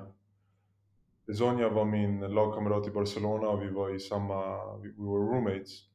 Och så tycker de bara, vad, vad, så frågade någon om jag var någon sa till honom. I våra åldrar var vi var ganska likadana för att vi, we had no fear. Mario när han spelade i Barcelona på träningarna, han gjorde vad han ville. Det spelade ingen roll om tränaren gnällde på honom så han, han gjorde vad han ville för att han visste att han, han var större än, än de här gamla spelarna som spelar sina sista år. Och han visste att han hade framtid. Så det finns inte mycket du kan säga till någon sån här. Också för mig, alltså det fanns år i mitt liv där det var, det var svårt att prata med mig för att jag tog ut mig från Sverige för att lira basket och nu är jag den enda snubben från Sverige och från Polen kanske som spelar i NBA och bla bla bla. man, man liksom, uh, you can get a big head. Och det händer också när man börjar tjäna lite pengar och sådär. Och hur jag gjorde tror jag hade mycket att göra med, med, med allting. Med min skola, med Sverige, med basketen i Sverige. Det, det är inte så en grej bara liksom. Nej. Det, det, är många grejer som, som har hjälpt mig i min karriär och, och hjälpt mig att vara, you know, to be successful. Men, Men du var väl typ du var väl typ 13 när du berättade för dina lagkamrater i Sverige att du skulle spela i NBA? och så skrattade typ alla. Ja. Det måste kännas så här, när du väl var i NBA, så här, måste det kännas sjukt skönt att bara, ja, vad säger ni nu då? You know what it is? It's like, it's, it's, it's never, uh, det, det, jag vet inte hur det är med andra människor, men med mig, man, I, I don't really get satisfied. E, even, även typ när, jag kollar bak, tillbaka och kollar när, när, man, när man vann kuppen i Ryssland mot, mot, mot Ceska. Det var nice. Men det var såhär, okej, okay, till nästa grej typ. Ja, jag tror med mig det, det har kommit från en, från en uh, mycket uh, ung ålder att uh, försöka vinna, bli competitive. Min äldre bror som är nio år äldre än mig, jag kommer ihåg när, när, vi, när vi bodde i Polen och frågade, frågade mig om Redkinja, jag kommer ihåg att vi bråkade mycket. Han var mycket äldre men, men vi bråkade för det, fin, det fanns ju, it was, it was competitive. Two boys in the house, you know. Uh, och även senare, när, alltså, jag kommer ihåg när jag spelade i polisen och vi förlorade vår första match. Jag tror jag, grov, jag, jag, jag grät på toaletten tre, tre, tre timmar typ. Uh, jag tyckte inte om att, att förlora. Och även nu, uh, I think it's just like the mentality. Like I've been through, jag har opererat båda höfterna och nu när, när det gäller att spela och träna kollar jag på träningarna och på spelet på ett annat sätt. Men jag vill, inte, jag vill fortfarande spela. Jag vill inte sluta spela, jag vill spela typ två, tre år till. Och jag, som jag sagt till dig innan, jag skulle vilja spela min sista säsong i Sverige där jag började min karriär. Så det är sådana grejer som man lägger upp sina goals och sen, och sen går man efter dem. Men min karriär när det gäller NBA och alla de här grejerna, it wasn't done the best way. I mean, I was just young and I had potential. Och sen, och sen hände grejer, men det var inte, it wasn't managed or structured the right way, you know. But, men kolla, om man kollar bakom så, så vill jag inte byta något för det, det är liksom den karriären som jag har haft, som har förberett mig och som har lärt mig allting som jag vet idag. Precis. Jag tror för mig har det alltid, det har alltid varit från en inålder med sporten för att när, när farsan sa Ey, din farfar ville vara ville hålla på med sport men han lyckades inte. Du vet, din brorsa försökte men lyckades inte. Jag försökte men lyckades inte. Jag kommer ihåg han sa alltid till mig att det första man måste ha är att du måste tycka om att träna. Du måste göra dig glad för om du inte, om du inte tycker om att träna så, så kommer det inte funka. Och för mig, jag tyckte alltid om att träna. Alltså alltid. Jag, jag har varit uh, i mean, you go through stages, you know, like sometimes when, like when I was young, I was a gym rat. You know, I, jag ville bara vara på en basketplan hela tiden. You know, situations in life tar dig på, på andra grejer. Och, men när jag har varit mest förälskad i basket, med basket, eller i basket, så har jag alltid velat träna. Och det vet folk liksom. Det, man behöver inte motivera mig mycket för att träna. Jag vill träna, jag tränar varje dag. Jag förstår. Du, jag tänkte på ditt smeknamn, The Polish Pistol. Hur, hur uppkom det namnet? Ja, alltså det, det var bara en, eh, en, en kompis till mig, han, han, eh, han jobbar med yoga. och han är yoga instructor i New York och han, han är från Detroit. Han jobbar med den här snubben från The Pistons och också med Detroit Pistons med hela, hela laget. Och han kom, och vi, han kom på besök till mig till Spanien när jag spelade för Caja Laboral. Ah. Och han, han frågade om jag visste vad Instagram var för något. Jag bara nej, jag, jag har ingen grej. Så han bara, jag ska sätta upp en Instagram-account. Och så jag bara, vad vill du heta på Instagram? Jag vet inte. Så, så sa han upp Polish Pistol. Det var, det, det var så det började. Okej. Okay. Ja. Iskallt. Ja. Men du, eh, jag tänkte på, vi pratade tidigare om att du blev draftad eh, 2003 och sen var det Damir Marko, Markota några år efter. Mm. Och, och sen så blev ju Jonas Jerebko draftad av Detroit Pistons som vi var inne på. Mm. Och du och Damir känner ju varandra sedan barnsben, men hur är din relation till Jonas? Ja, jättebra. Ja, Jättebra. Vi har spelat mot varandra flera gånger. Jag tror första gången jag spelade mot Jonas spelade han i Italien tror jag. Jag spelade för Kimki. ah, Och okej. Han spelar nu. Ja, Ja, just det. just det. Eh, och så sa de till mig, ja den här snubben är från Sverige. Jag bara, "Jaha, okej. Sen spelade vi mot varandra när han var, när han spelade med landslaget med Taylor. Och jag spelade med Polens landslag. Så vann vi ju också mot dem i Polen på träningsmatch. Eh, och sen har vi haft bara en sån här, it's cordial. Uh, just a normal relationship. Ja, Vi har, vi har aldrig eh, mötts när vi var yngre, vi har bara mötts de här två, tre gångerna, kanske med landslaget och en gång när jag spelade för Kimki. Men det har alltid varit en bra relation, alltså med respekt och sådär. Och jag förstår självklart att eh, folk eh, kommer säga att Jonas är den första svensken som har spelat i NBA och jag förstår alltså, det är inga problem. Jag spelade inte och och jag har dubbel medborgarskap så för mig är det ingen så här, äh, nej jag är först. Det, det, det, det spelar ingen roll. Och jag lyckas och jag, um, jag hoppas det går bra för honom den här säsongen för Jonas har tränat väldigt mycket på sommaren här. Jag har sett att han har gift sig, han, han har sina barn och han, han, har- han, har- he dedicated his time to training. I've seen it on his, uh, on his social media so I'm hoping that he's going to have a good year in Kimki this year. du återvände sen till Europa efter NBA-äventyret och sen hamnade du i Ryssland. Hur var det att liksom bo och leva där? För att mina föräldrar kom från Polen och de var typ eh, uh, utvecklades med den här ganska ryska mentaliteten. Förstår du vad jag menar? Uh, så var det inte svårt för mig. För typ, en amerikan skulle det varit svårt. För mig, jag förstod vad som, hände, vad som hände. Jag förstod landet. Jag förstod kulturen. Uh, jag förstod varför de beter sig på det här sättet. Jag förstod varför, de, varför det finns sådana grejer och sådana grejer. Jag, förstod eh, situationen. Och eh, Ryssland eh, var jättebra till mig. Jag hade, it's, it's been great for me. I played one of my best basketball there. Uh, you know, money was good. Uh, it's been, i, I don't have nothing negative to say about Russia. It's been, it's been great. Det, lo- det lossnade ju ganska rejält för dig när du kom till Kimki och du fick mycket mer speltid än NBA och ni lyckades ta er till final flera gånger i Eurocup och ligan. Ja, ni föll några gånger först mot CSKA Moskva, men sen 2008 så lyckades ni äntligen besegra dem i finalen av ryska kuppen. Ja. Och då var ju de även regerande mästare i Euroleague. mhm. Det, hur kändes det liksom att vinna mot dem till slut efter ett par års försök liksom? Well, it was. Uh, let me tell. So, yeah, this is a story. Um, so that, den här säsongen. Uh, jag var jättemotiverad den här säsongen för jag hade. Jag tror jag var på mitt andra kontrakt i Ryssland. Mm. Eh, som var ganska bra kontrakt. Och nu var det så här, min, min, min karriär verkligen håller på att ta av. Liksom. It's, it's, you, you can be like, jag såg att I can be the best player Ja. in Russia. Jag såg det, Matsai Smodis, Smodis spelade för CSKA, han var typ så här, äh, jag vet inte, 3 miljoner, 4 miljoner om året och konsiderad typ den bästa fyran i Europa. Jag bara, eh, han är, han är bara, han är inte så bra. Eh, så såg jag de här trän- spelarna från CSKA och så tyckte jag så här, alltså, vi kan också vara bra. Så jag var motiverad, men jag, jag, jag fick en skada.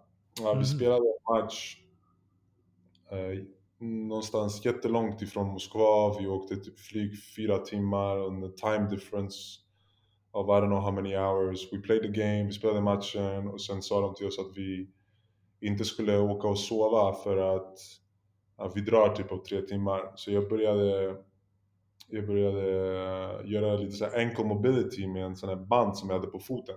Och det här bandet lossnade, lossnade sig från min fot och slog mig jättehårt i mitt öga.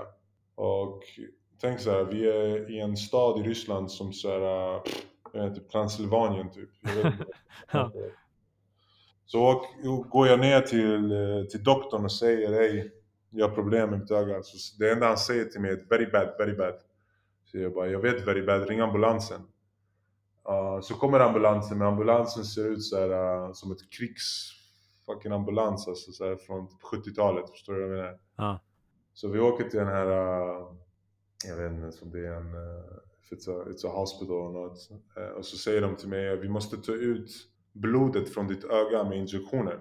Så vi kommer ge dig tre injektioner och dra ut blod från ditt öga. För jag kan inte se från mitt högra öga. Eh, så gör de det och sen ger de mig en annan injektion och så somnar jag. Och så när jag vaknar så kan jag se eh, shadows, säger man det? Skuggor? Ja, lite grann. Om du rör ditt, ditt arm innan ögat så ser jag lite, men jag kan inte se. Men jag var ändå glad att jag såg det.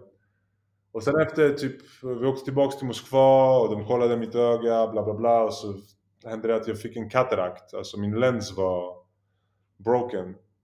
Så vi bestämde oss för att åka tillbaks till USA där jag bodde och fixa, det, och fixa mitt öga. Mhm. Det här är samma säsong.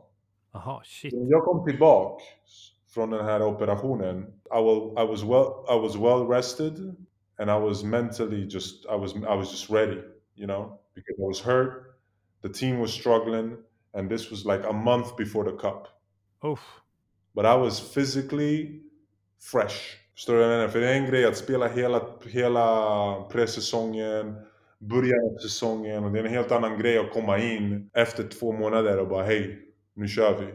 Förstår du vad jag menar? Jag hade, jag hade inga problem med min kropp och eh, kändes mig jättebra och, och, så, och, så, och så den här, den här matchen i kuppen det är en match. Mm. Så allting kan hända, förstår du? Ja. Och grejen var, den, var, den spelades i Kazan, så de hade inte hemmaplan och vi hade inte hemmaplan. Så det var perfekt. Ja. Så spelade vi en av våra bästa basket och så vann vi den här kuppen med, med vår tränare, en lit, lit, han är från lit, uh, Lithuania, Kęstutis Kudura. Uh, som var, som var, det var hans andra eller första år som vår head coach. Så vi var så här, we were, we were, we were, we were a team uh, on the rise, you know, on the brink. Mm. Men sen nästa säsong som skrev hon på alla de här uh, spelarna, Delfino, Milt Palacio, José Garbajosa, alla de här spelarna som kom för pengarna och de, the chemistry in the team wasn't great. Uh, the second, and that's why we lost in the Eurocup finals. Men du, du blev ju MVP i den här finalen, alltså Ja. 2008 och typ 30 poäng, 11 retur och 3 assist i den här ligan. Fast du liksom gjorde den här operationen. Det är ju helt sjukt ju. Riktigt bra stats. Mm, det, det är i, i alla situationer i livet, man kan alltid uh, bestämma vad man vill kolla på. Om man vill kolla på de positiva grejerna och man vill kolla på de negativa grejerna. Och det var Ja. något som jag lärde mig när jag var liten för det fanns inte så mycket positivt att ta in när, när, när, jag, eh, när jag var yngre. Ja. Så, man, så, så, så det är en sån mindset som man måste ha tycker jag. Att man måste liksom försöka alltid se det positiva i livet. För, för att vara, ja. Men för mig, här operationen för mig var bra för att alla var rädda typ att jag inte skulle kunna spela mer och vad hände med hans öga och doktorna i Ryssland var kaos. Så jag bara, "Ey, jag kommer inte ha den här grejen här, jag drar till, jag drar till Amerika. Ja. Och i Amerika snubben sa till mig, det här är tre dagar du kan spela. Jag bara, vänta här, ge mig två veckor snälla. De hade två, två och en halv veckor minst. Han bara, inga problem. Så jag hade tid att vara hemma och vara glad och sen åkte jag tillbaka och sen, sen spelade jag. Efter tiden i Ryssland så stack du en sväng till Tel Aviv i Israel. Ja. Och eh, innan du skrev på för Unix Kazan. Och eh, Ja. då var du den första svensken som vann Eurocup. ja. Fast finns det någon annan svensk som har vunnit Eurocup? Det är typ Elin Eldebrink. Jaha, okej. Ja, nice. Ja. Du, du vet också en grej med den här finalen. Jag har sett finalen faktiskt på YouTube. Men lyssna, vem har den bästa valora- valoration i finalen? Det är ju för fan du, alltså på riktigt. Vem fick MVP? Ja men alltså det är ju så sjukt, jag fattar inte. Hur, hur kunde Popovic få den alltså? Popovic pappa är kompis med Djordjevic som spelade med mig också. Men Djordjevic var kommenterande. Och det var de här två snubbarna som var kommenterade som, som bestämde vem som skulle vara MVP. Och Popovic är Djordjevics pappa. Jaha, shit. För Den alltså, bästa grejen som- som hände, den bästa grejen som hände den här säsongen Ja. för Unix Kazan är vad Marko Popovic var skadad. När han var skadad så tog, tog vårt lag en annan nivå. Ja. För nu spelade vi basket. Nu spelade vi inte bara pick and roll. Eller skjuta treor. Ja. nej, för, alltså det är ju ganska tydligt när man tittar på den här matchen. Jag tycker, ni som inte har sett den, gå in på YouTube och sök på den här för den är sjukt bra. Vi krossade ju, vad Sevilla eller? Ja men alltså, ni dominerar ju i första halvlek och sen väljer coachen att sätta dig i, på bänken i tredje. Jag fattar inte varför. Och då typ tappar laget som fan. Och sen när du kommer in i, i fjärde igen och bara då är det ju ordningen återställd. Och jag fattar inte hur du inte kunde bli MVP med 26 poäng och 11 returer alltså. Det, det var, jag sa till dig, det var, det var Popovic pappa som Ja. kom med snubben som gick ut. Men det spelar ingen roll, jag var inte, jag var inte, jag bara säger det här till dig för det, det var roligt att prata Men, om men alltså när man tittar på MVP-ceremonin så ser man Ja. någonstans på dig att du inte var så här Nej, jättenöjd jag med det beslutet. jag klappade, men grejen, allt, Kelly McCarthy was the one Han var ju grym alltså. Som kollade sig på mig och bara ey, de ger det till Popovic? Han bara på mig så här, men jag vill inte göra någon sån show, jag bara klappar så här, ja men bra Marco. ja. Ja. Jag var bara glad för vi vann för att när jag kom till Onyx från Maccabi, Maccabi var, it was a failure. It, it was a shitty situation. I mean the coach, uh, I don't really have anything against him, but he's not, he wasn't a good coach at that time. Penny Goodman. And, uh, och, och kemistrin i laget var dåligt, alla spelarna som... Det, det, var, det, var, det var en, it, it, wasn't a, it, was, it wasn't a good situation. You can just tell by the team. So, så kom de till mig och bara Ey, vi trodde att du skulle vara mer än av en femma, men du är mer än av en fyra, så vi kommer inte spela dig så mycket nu. Jag bara pratade om, du har, sett, du har sett mig spela hela sommaren som fyra. För att jag inte kan hålla eh, order på era spelare och, för, och spela bra basket. Om, om ni vill köra den här grejen på mig för att jag har det största kontraktet, gör det bara. Det är inga problem. Så det var det som hände egentligen, för att jag hade största kontraktet så de behövde säga att det var fel på någon, så de bara det är fel på Lampe. Sen kommer jag ihåg när uh, den här general manager, eller chefen Shimon för Maccabi, han är, han är potent i, i Europa med basket. Han kom till mig och han bara vi, vi, måste, vi måste ha lunch. Jag bara okej. Så han säger till mig, han bara jag, jag har hittat ett lag för dig, du måste dra. Jag bara vart ska jag dra? Han bara Bilbao. Jag bara hörru, tror du jag ska dra till Bilbao? Vad kollar vem är du? Är du min agent? Han bara nej om inte du hittar ett lag så hittar jag ett lag för dig. Jag bara jag kommer stanna här tills jag hittar ett lag. Eh, du, du måste betala mig vad jag har mitt kontrakt. Vad håller du på Sen eh, pratade jag med agenten, han bara vi har Onyx. Jag bara "Pff." Han bara gå till Onyx, du känner Ryssland. Du kommer få så här mycket från Maccabi. Onyx kommer betala dig resten. Gå dit. Uh, tänk om du tar upp dem igen. Hur det kommer se ut. För just nu ser det inte bra ut. De snackar skit om dig. Bla bla bla. Så jag bara okej. Så jag åker till Onyx. Där eh, det är Marko Popovic show. Mm. Eh, Han och Lonchar spelar. Det är så här two-man basketball. Och det, är- det är också en tränare som inte, han, han vet inte vad han gör heller.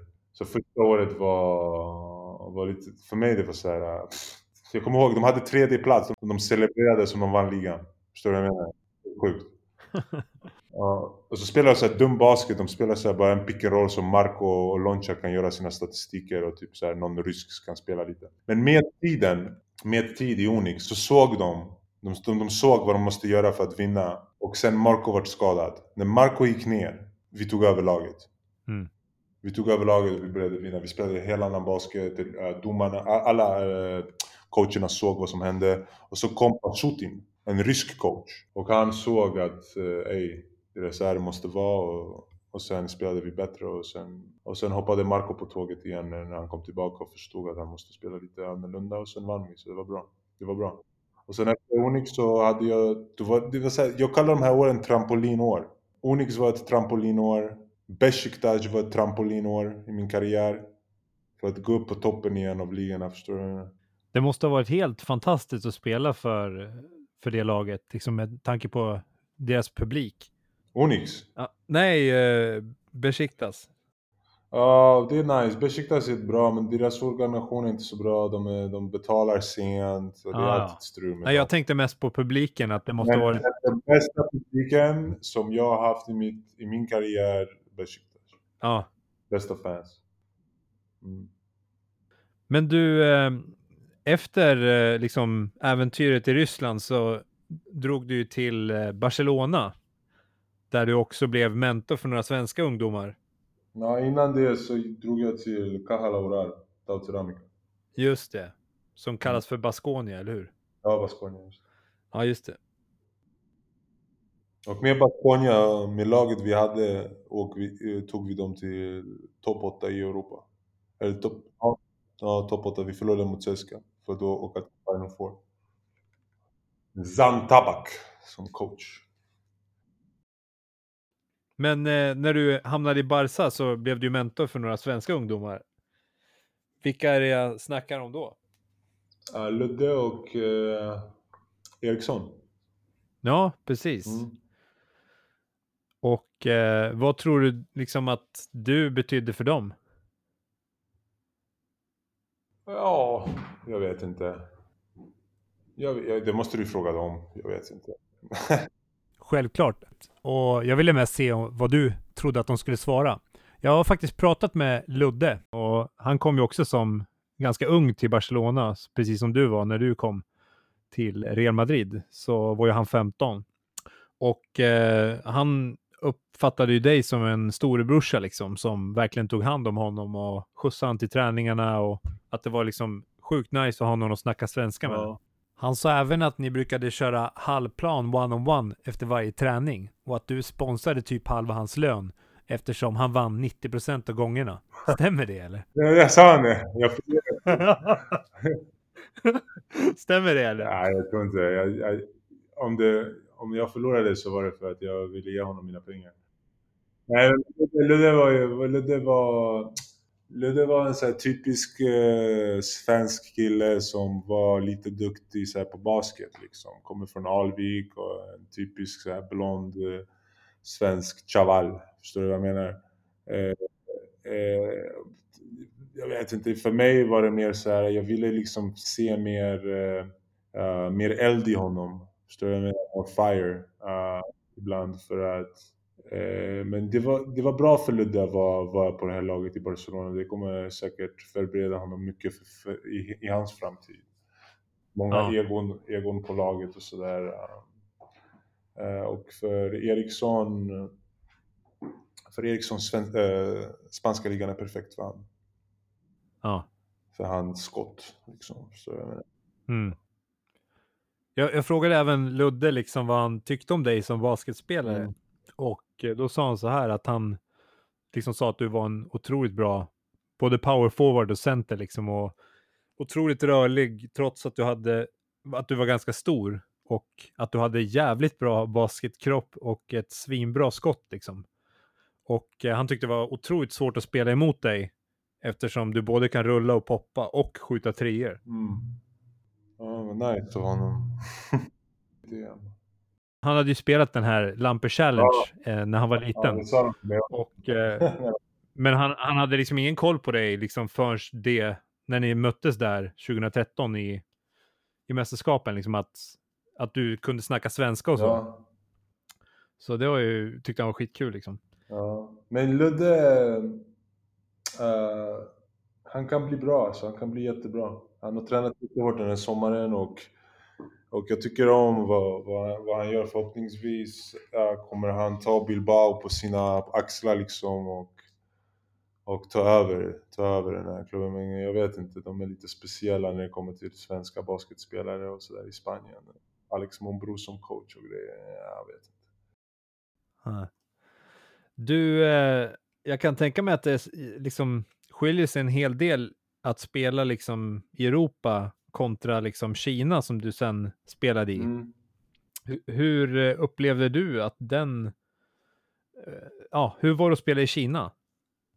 Ja, jättebra för mig. Det grejen med Kina, det är inte så lätt att komma in i ligan. Man måste ha... Uh, you have to have a good resume. Så jag menar, antagligen tar de några så stora namn eller så tar de uh, unga spelare som normally lyckas inte i Kina för att det är en så här stor uh, culture shock. Kina är ett speciellt land där det, för mig är det ganska, eh, ganska lätt att adaptera mig till de här länderna för att jag har rest så mycket i mitt liv. Ändå det, det är inte lätt. Uh, Kina, Kina är svårt när det, när det, gäller, när det gäller kulturen och sådär. Men, men Kina har varit jättebra för mig. Jag, jag, jag, jag, jag älskar att spela i Kina för att, för att i Kina, de mimi, it mimics the NBA. Det är Mm. inte samma nivå men eh, spelet är mycket mer öppet. Så för mig, som jag spelar basket, har jag mycket mer kul spelande i Kina än jag har i Europa. Det är därför jag inte vill spela i Europa mer. Ett, säsongen i Kina är kortare. Uh, pengarna är bättre. Uh, och jag, jag tycker om att spela där. Det, det är kul för mig för jag har min, I have a lot of freedom. Ja. Alltså man såg ju på statsen som du levererade där. Det var ju Mm. dina bästa stats du har haft tror jag under alla år. Mm. Du var ju, i 2017 droppade du 42 poäng, tog 16 returer, gjorde två assist och en block i din karriärs bästa poäng i match tror jag. Ja, jag tror jag tror jag har haft, 40, jag har haft mer. Det var, det Jaha, var i det var det. Shenzhen vad du snackar om? Ja, 2017 var det Shenzhen. Tror det. För att sista säsongen med Jilin när vi tog dem till playoffs hade jag några bra matcher. Sen. Ja. Men du var ju 2018 dishade ut 14 assist och satte 17 poäng, gjorde 12 returer och tre blockar. Det var en jävla monstermatch. Det var, Det där, alltså, har du gjort så många assists förut inom match? jag tror det är mitt rekord faktiskt för att det var många så här. Jag tog retur och tog den coast to coast och sen hittade jag någon shooter. Ja, Det var sådana där assister jag hade. Och Ja. också med de statistikerna i Kina, så de, de messar alltid upp dem. De vet inte vad assist är. nej okej. Det var någon bra så, statistikkollare där den här dagen som, som förstod. Ja. och sen eh, 2019 droppade du, eller du to- tog 26 returer, gjorde 30 poäng, satte 7 assist, en stil och två blockar. Är också jävligt bra. Mot vem? 2019 Mot så var det, ja, nej jag, jag minns inte vilket lag, jag bara tog det här från någon stats och sen har jag bara skrivit upp poäng. Jag minns inte vilket lag det var. Men... Ja, men vet du vad som är roligt? Nej. Den här turneringen som vi, som, som, som vi snackade på när jag låg där på den här båten och, och, och Jocke frågade mig. Ja. Första matchen av den här turneringen droppade jag 44 poäng. Uff, Och jag har aldrig gjort mer än 44 poäng i min karriär. När jag spelade förra året i Kina, det var 6 Ja. minuter kvar och jag hade 42. Men jag har aldrig gjort mer än 44 poäng i en match. Den highscoren har jag sen jag spelade i Polisen Basket. men 44, alltså shit, att droppa så mycket poäng. Alltså. Eh, du har ju spelat ganska mycket med en framgångsrik spelare från Polen, Marcin Gortat. Ja. Hur är er relation? Den är bättre nu. Ja, den har varit lite svajig. Martin var en snubbe som inte var bra när han var kadett och han var inte bra när han var junior. Han var en sån snubbe som kunde hoppa högt men han hade ingen basketball skills. Kom runt och han var så här lite grann, de, de ville kolla vad han kunde göra men han var aldrig riktigt bra. Men för Nej. mig var han alltid I mean, cordial, just cool, you know. Eh, Mm. Men sen åker han till Tyskland Ja, och började spela i tyska ligan. Och Sasha, vad heter han? Sasha Obradovic eller någonting sånt. En, han är en ganska bra tränare. Han, han tog Marcin och, och gjorde en, en ganska bra basketspelare av honom. mm. Sen signar Mar- Marcin med en bra agent som hjälper honom i hans karriär väldigt mycket. ja, Sen åker han till NBA och tar, he takes advantage of his body. Marcin's always been strong, he's always been able to jump. He's one of the strongest white guys I've ever played against. I mean, snubben är så stark alltså. Alltså, fysiken, Marcins fysik är sjuk. Hans farsa var boxare, eh, han, han, han, är- stark som fan. Hans mamma var volleybollspelare också. Och sen i Martins karriär i Orlando, att spela bakom Dwight Howard Mm. var perfekt. Alltså det bara kan inte, sagan kan inte vara bättre för honom. Förstår du vad jag menar? Nej. Och han gör ett så jävla bra jobb och sen, och sen tar han över NBA. Alltså tar han över NBA. Han gör sin karriär, kar- karriär i NBA. Så jag är jätteglad för honom faktiskt. Jag har alltid sagt att, att, eh, att hans historia är motiverad, motiverande och, och, och grym. Med oss var det alltid lite konstigt på landslaget. För att hans basketuppfattning var den här NBA-mentaliteten. Och det är inte samma mentalitet i, i Europa. Han trodde Nej. att han skulle posta hela tiden och ibland kicka ut bollen. Han skulle vara Shaquille O'Neal liksom. Och- vi, vi hade ingen success. Vi spelade som skit tillsammans för att han förstod inte Jag försökte liksom, nej vi kommer inte vinna så här. det kommer inte funka, du kommer se, det kommer inte funka. Han bara, du tror inte? Jag bara, nej jag tror inte för jag vet. Du själv, vi kan spela det här, vi kan spela det här sättet om du vill. Vi kör, vi kör det här en, en vecka, sen säger du till mig.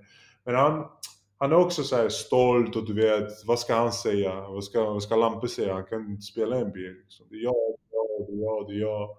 Det funkade faktiskt inte. Men nu eh, när vi kollar tillbaka på det, nu när vi pratar ibland, vi är vänner och eh, det, det, det, är bara, det är bra. Det är bra. Men det var, många, det var många personer, speciellt i Polen, som trodde typ att vi hade så här, uh, that we were fighting.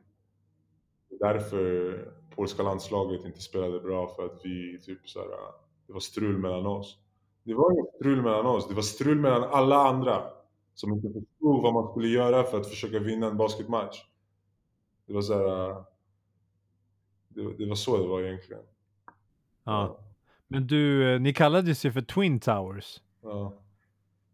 Var mm. liksom tvillingtornen. Ja. Eh, var det liksom på grund av att ni liksom kom från Lods båda två eller var det för att ni liksom var långa och vad, vad tror du? Jag vet inte.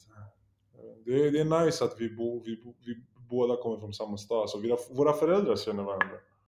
Ja men spelade de volleyboll ihop eller? Mamman och... Jag vet inte, men de säger att de kände varandra. För att Gortats mm namn och, och mitt namn i Polen, mm. Även då Gortats farsa var boxare. Min farfar var atlet som jag sa, min farsa spelade mm. volleyboll. Så att våra namn var så här, ibland i tidningarna tror jag. Ja, ah, okej. Okay. Mm. Men du, um, vem är den bästa spelaren som du har varit lagkamrat med? För mig, jag vet inte vad jag ska säga till dig faktiskt. Nej, det är lugnt. Alltså, jag kan säga så här, Steve Nash för exempel och hans court vision och hur han tränade och hur han spelade basket var magiskt. För jag spelade honom, jag såg mycket honom. Sen kollar man på så Amari, okej okay, Amari värsta atleten liksom, stora händer, dunkar allting runt korgen. Sen jobbar han på sitt skott också, okej okay, han kan spela lite.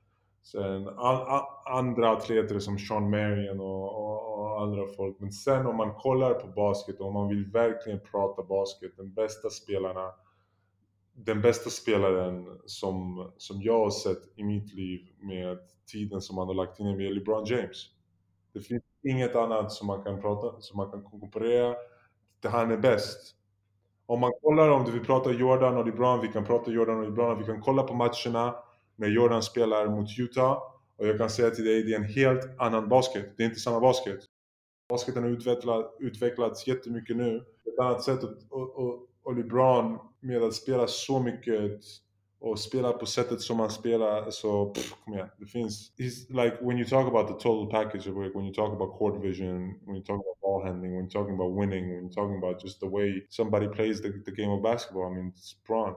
Du, jag hittade förresten ett, eh, ett klipp eh, på dig när du blockar Yao Ming när du spelade för, ja. uh, för New Orleans Hornets. Mm. Och jag tänkte bara så här, Mindes han det när du kom till Houston bara, fan, det var den där jäveln som blockade mig? Det... Nej, nej, nej okej. Jävligt coolt klipp i alla fall. Yao var och är en jätte super nice person och uh, he really, han, han gav allting han hade i sin basketkarriär. Han var en av de här spelarna som när jag var, när jag var ung och jag skulle komma typ en och en halv timme innan träningen och träna, han var redan där. Så jag menar, han var en sån, han var en sån snubbe. Och eh, förhoppningsvis jag, kommer jag komma att träffa honom snart. Då kan vi, kan vi snacka lite om när vi... Blocken? Nej, blocken, nej. ja. Um, men du, du har ju liksom, vad ska man säga, i 15 års tid haft en en eh, turnering som du har arrangerat liksom i, i Sverige. Mm. Eh, där både liksom, svenska och utländska lag spelar. Var det liksom ett naturligt val för dig att den skulle hållas i Sverige och inte i Polen? Liksom? Det här är helt Jocke. Alltså Jocke ringer mig en dag och bara hej jag har den här idén. skulle vi göra en turnering, skulle vi kalla den Lampe Challenge, är det bra med dig? Jag bara ja, inga problem. Och så, det är så det händer och sen sponsorerar jag pokalerna och ibland grejer från NBA när jag kunde när jag spelade NBA och sådär och sen åker jag när jag har tid och, och är med. Men det är, det är helt Jockes liksom, Jockes grej och, och jag tackar honom för att uh, för den här äran att ha det i mitt namn och uh, jag tycker det passar ganska bra för alla. Så det är nice. Ja, verkligen. Mm. Men eh, du har ju liksom bott utomlands ganska länge nu, och, men vad är det du saknar mest med Sverige? Uh, det är många grejer faktiskt. Ja. Uh, och jag kommer åka tillbaka till Sverige nu efter, efter Bahrain och hälsa på mamma. Uh, så jag kanske åker det direkt. Men det är många grejer. Det, det är en bra känsla att vara i Sverige. Jag tror, jag tror den, en av de bästa grejerna med Sverige måste vara naturen liksom. Och, och bara, bara luften. Om jag är ärlig med dig. Alltså, det, det är så jävla fint land med skog och, och uh, vad heter det?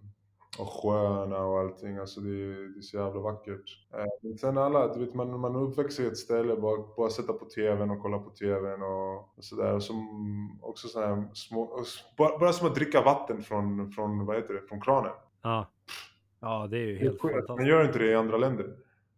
Nej, man kan inte. Här, men i Sverige, man, första man, och sen Och det är så jävla gott vatten är också. bra, även när man duschar sig tycker jag så här, vattnet är kanon. Ja, och sen, och sen så här små grejer som maten och grejer, vill säga någon kokosboll eller någon sån här kebab någonstans på stan eller någon sån här grejer. Ja. Men förutom det så är det, tror jag, människorna. Mest, mest, mest med annat är också, också människorna och, och svenska mentaliteten när det kommer till allting. Alltså Sverige, för mig är Sverige ett av de, inte ett av dem, för mig är Sverige det smartaste landet. Alltså om, om vi pratar om Tänker på coronasituationen också kanske. för exempel nu. När alla var emot Sverige för de inte gjorde någonting och nu att alla av Sverige är de smartaste som finns. Eller hur? Eller, ja, eller hur? men alltså, det finns många grejer med Sverige. Eh, eh, som, och, eh, också för, till eh, för exempel eh, like the system of, uh, hur säger man, like uh, the jail. Alltså för att när jag var i USA så, så en gång när jag var i NBA så åkte vi och hälsade på eh, folk som var i fängelse. Och när man blev lite äldre och så börjar man liksom få mer och så fattar man att i USA, det här, den här grejen är en business. Det är inte så det ska vara. Och i Sverige, när, när, när någon gör någonting dåligt så försöker man liksom utveckla den här personen för att han ska förstå och få ett bättre liv i framtiden, eller hur? Mm. Och jag kommer ihåg när jag var i Polen så, här, så pratade folk om det här. Så här ah, I Sverige när man gör någonting och går till fängelse så får man TV och grejer. Så kollar man på TV, ingenting. Fan vilket land. Men nu när man är äldre så tycker man så här, men det är så det borde vara. Mm. Alltså man förs- om det är någon som har gjort någonting dåligt, han borde försöka förstå varför man inte ska göra så och få utveckla honom för att han, för att han kan ha ett bra liv i framtiden och inte... Det finns många grejer med Sverige som jag, som jag tycker är, är, kanonbra. Men du, eh, efter karriären då, vad, du pratade lite om att du skulle vilja coacha liksom. Ja. Du, du berättade för mig tidigare eh, när vi snackade att du också har alla, du har gått igenom alla stegen i liksom coachutbildningen, eller hur? Ja, jag, jag, göra, jag, jag började med det här när jag, när jag spelade i Barca. Ja, Så nu, jag vet inte hur många år jag har haft den. Jag, jag, jag, har den här A-klassen. Så, så det är nice att ha någonting som man kan liksom fall back on. Ja men det, det, det är någonting som man har liksom. Jag vet att det är någonting som jag, it's something you are, you know, like basketball has been a part of my life since I was, what, 13 years old. Det, det, är, det är någonting som jag förstår, det är någonting som jag är bra på. Uh, det är någonting som passar mig liksom för att, för att coacha och det, det, det, är, det är någonting som, som säkert kommer hända i framtiden för att jag kommer ju vilja fortsätta uh, I'm, I'm going to want to continue to compete in this game. Förstår du vad jag menar? Även om du inte spelar så vill du ju även på något sätt vara med. Förstår du vad jag menar? Och jag tycker att, att den här grejen med att coacha liksom är mitt, är mitt blod. Det är det, är det som, som jag tror kommer hända i framtiden. Alltså det kind of, uh, like it's kind of like what should happen I think. You know what I mean? mm. Just nu spelar jag fortfarande. Så jag vill inte sluta spela än. Men jag vet att en dag så, så måste man liksom byta och kanske, och kanske gå in, gå in till coaching för att jag tror att det finns inte många personer som, som har haft samma karriär, karriär som jag, som har spelat i så många länder som jag, som, som, som, som kan kommunikera sig med, med folk från Ryssland, från Polen, från Sverige, från USA, från, från olika länder och jag tror jag, jag skulle kunna göra ett jättebra jobb som coach. Det tror jag med. Mm. Men vi får se, vi får se vad som händer. Men sen är det ju en bok också som du håller på att skriva på, eller hur? Ja, den här boken, alltså, jag vet inte när, när den kommer ta slut. Vi, vi börjar, vi, sen, sen vi slutar, sen vi börjar igen. Det är, en, eh, det är någonting som jag skulle vilja droppa säsongen som jag slutar spela basket. För det är många grejer som jag skulle kunna vilja förklara och, och hjälpa uh, de som kommer next liksom. Ja, jag fattar. uh, med, mina, med, med mina händelser och saker som jag har liksom uh, went through in my career. Så vi måste, vi måste sätta ner oss och, och jobba på den här grejen. Men grejen med, med en bok liksom, man måste, man måste verkligen eh, koncentrera sig och, och berätta allting på ett bra sätt och veta vad man vill snacka om och sådär. Så, så det är en här work in progress. Mm. Du, fin, finns det någonting som jag har glömt att fråga dig om som du känner att du skulle vilja prata om? Mm. Ja, det finns mycket att prata om. Alltså, det har hänt så många, så många grejer i min karriär. Jag kom på en grej nu i och för sig. Ja. jag, jag tänker på alltså det här skottet du sänker mot Real Madrid när du spelar för Barcelona och vinner Ja. ligan. Det var. Det måste ju vara typ en av de fetaste eh, känslorna du har haft i i basketkarriär. Och fått tvåla dit om det här Real Det var nice för att du vet, många de visste den här historien om Madrid och de visste min buyout när jag spelade i USA. Det fanns en snubbe som, eh, som heter Greg som, var, som är en kompis till mig. Han jobbade med Tim Grover där jag tränade. Det är Tim Grovers gym i Chicago. Det är så här Kobe Bryant och Michael Jordan eh, tränare. Så, så tränade jag där och Greg han sa till mig så här att ja, en dag kommer du spela mot Madrid och du kommer sänka så här, 30 poäng eller du kommer vinna mot dem för att de tog dina pengar. Vänta bara, bla bla. Sen i en- säsong som man trodde att det inte skulle hända så har jag så här äh, i den här matchen typ så här väldigt bra fyra sista minuter av den här matchen och, och sen sänker skottet som, som tar oss till, äh, till vinsten i, i spanska ligan. Det är ganska nice, det var nice, det var en nice känsla. Är, det, är det en av de bästa minnena du har? Eller vad är det liksom absolut fetaste i din karriär tycker du? Jag tror i min karriär det bästa minnet, för om jag ska vara ärlig med dig, är att när man satt i Ryssland och kollade på sitt bankkonto. ja, det var grymt. För mig, det var, det var jättenice för att änt, äntligen efter att först gå igenom den här hela processen med Madrid och sen gå igenom den här processen med NBA. Nu äntligen tjänar du pengar och nu äntligen kan du göra saker som du har liksom drömt om att göra och nu verkligen har din karriär börjat. Nu har din karriär faktiskt börjat. Jag kommer ihåg när, alltså det här kanske låter kanske ganska dåligt men alltså jag kommer ihåg när jag var där i, på min dator och tänkte du är miljonär. Nu är du miljonär. Vad var jag? 22, 23, 23, 24 max? Den här känslan är någonting som du vet inte många personer har i sitt liv. Sen de andra grejerna som att vinna, de är, de är också bra. Men för mig har det alltid varit att liksom känna sig bra med, med sig själv. Tycker jag är det viktigaste. Det fanns, det fanns eh, tider i min karriär, där jag inte har känt bra med, med, med sig själv för att, för att jag gav kanske mer importans, eller eh, importans, men till andra grejer än basket. Eh, när jag skulle kanske ha gett mer till, till basketen. Uh, men eh, in general så, här, så tycker jag att det viktigaste är att när, när, när, när du kan se dig, se dig själv i spegeln och vara stolt av dig själv och känna dig bra med dig själv, med dina, med dina betydelser och grejerna som du har gjort, jag vet den här veckan, den här månaden, det här året. Och känna sig lycklig med det. För mig det är det viktigaste. För att du kan inte kontrollera hela tiden om, om fan vi vinner och, och det och det andra och det, det som, men du kan alltid liksom kontro, kontrollera dig själv och det för mig är det viktigaste är att, uh, att kunna liksom känna sig stolt av, av vad du har gjort.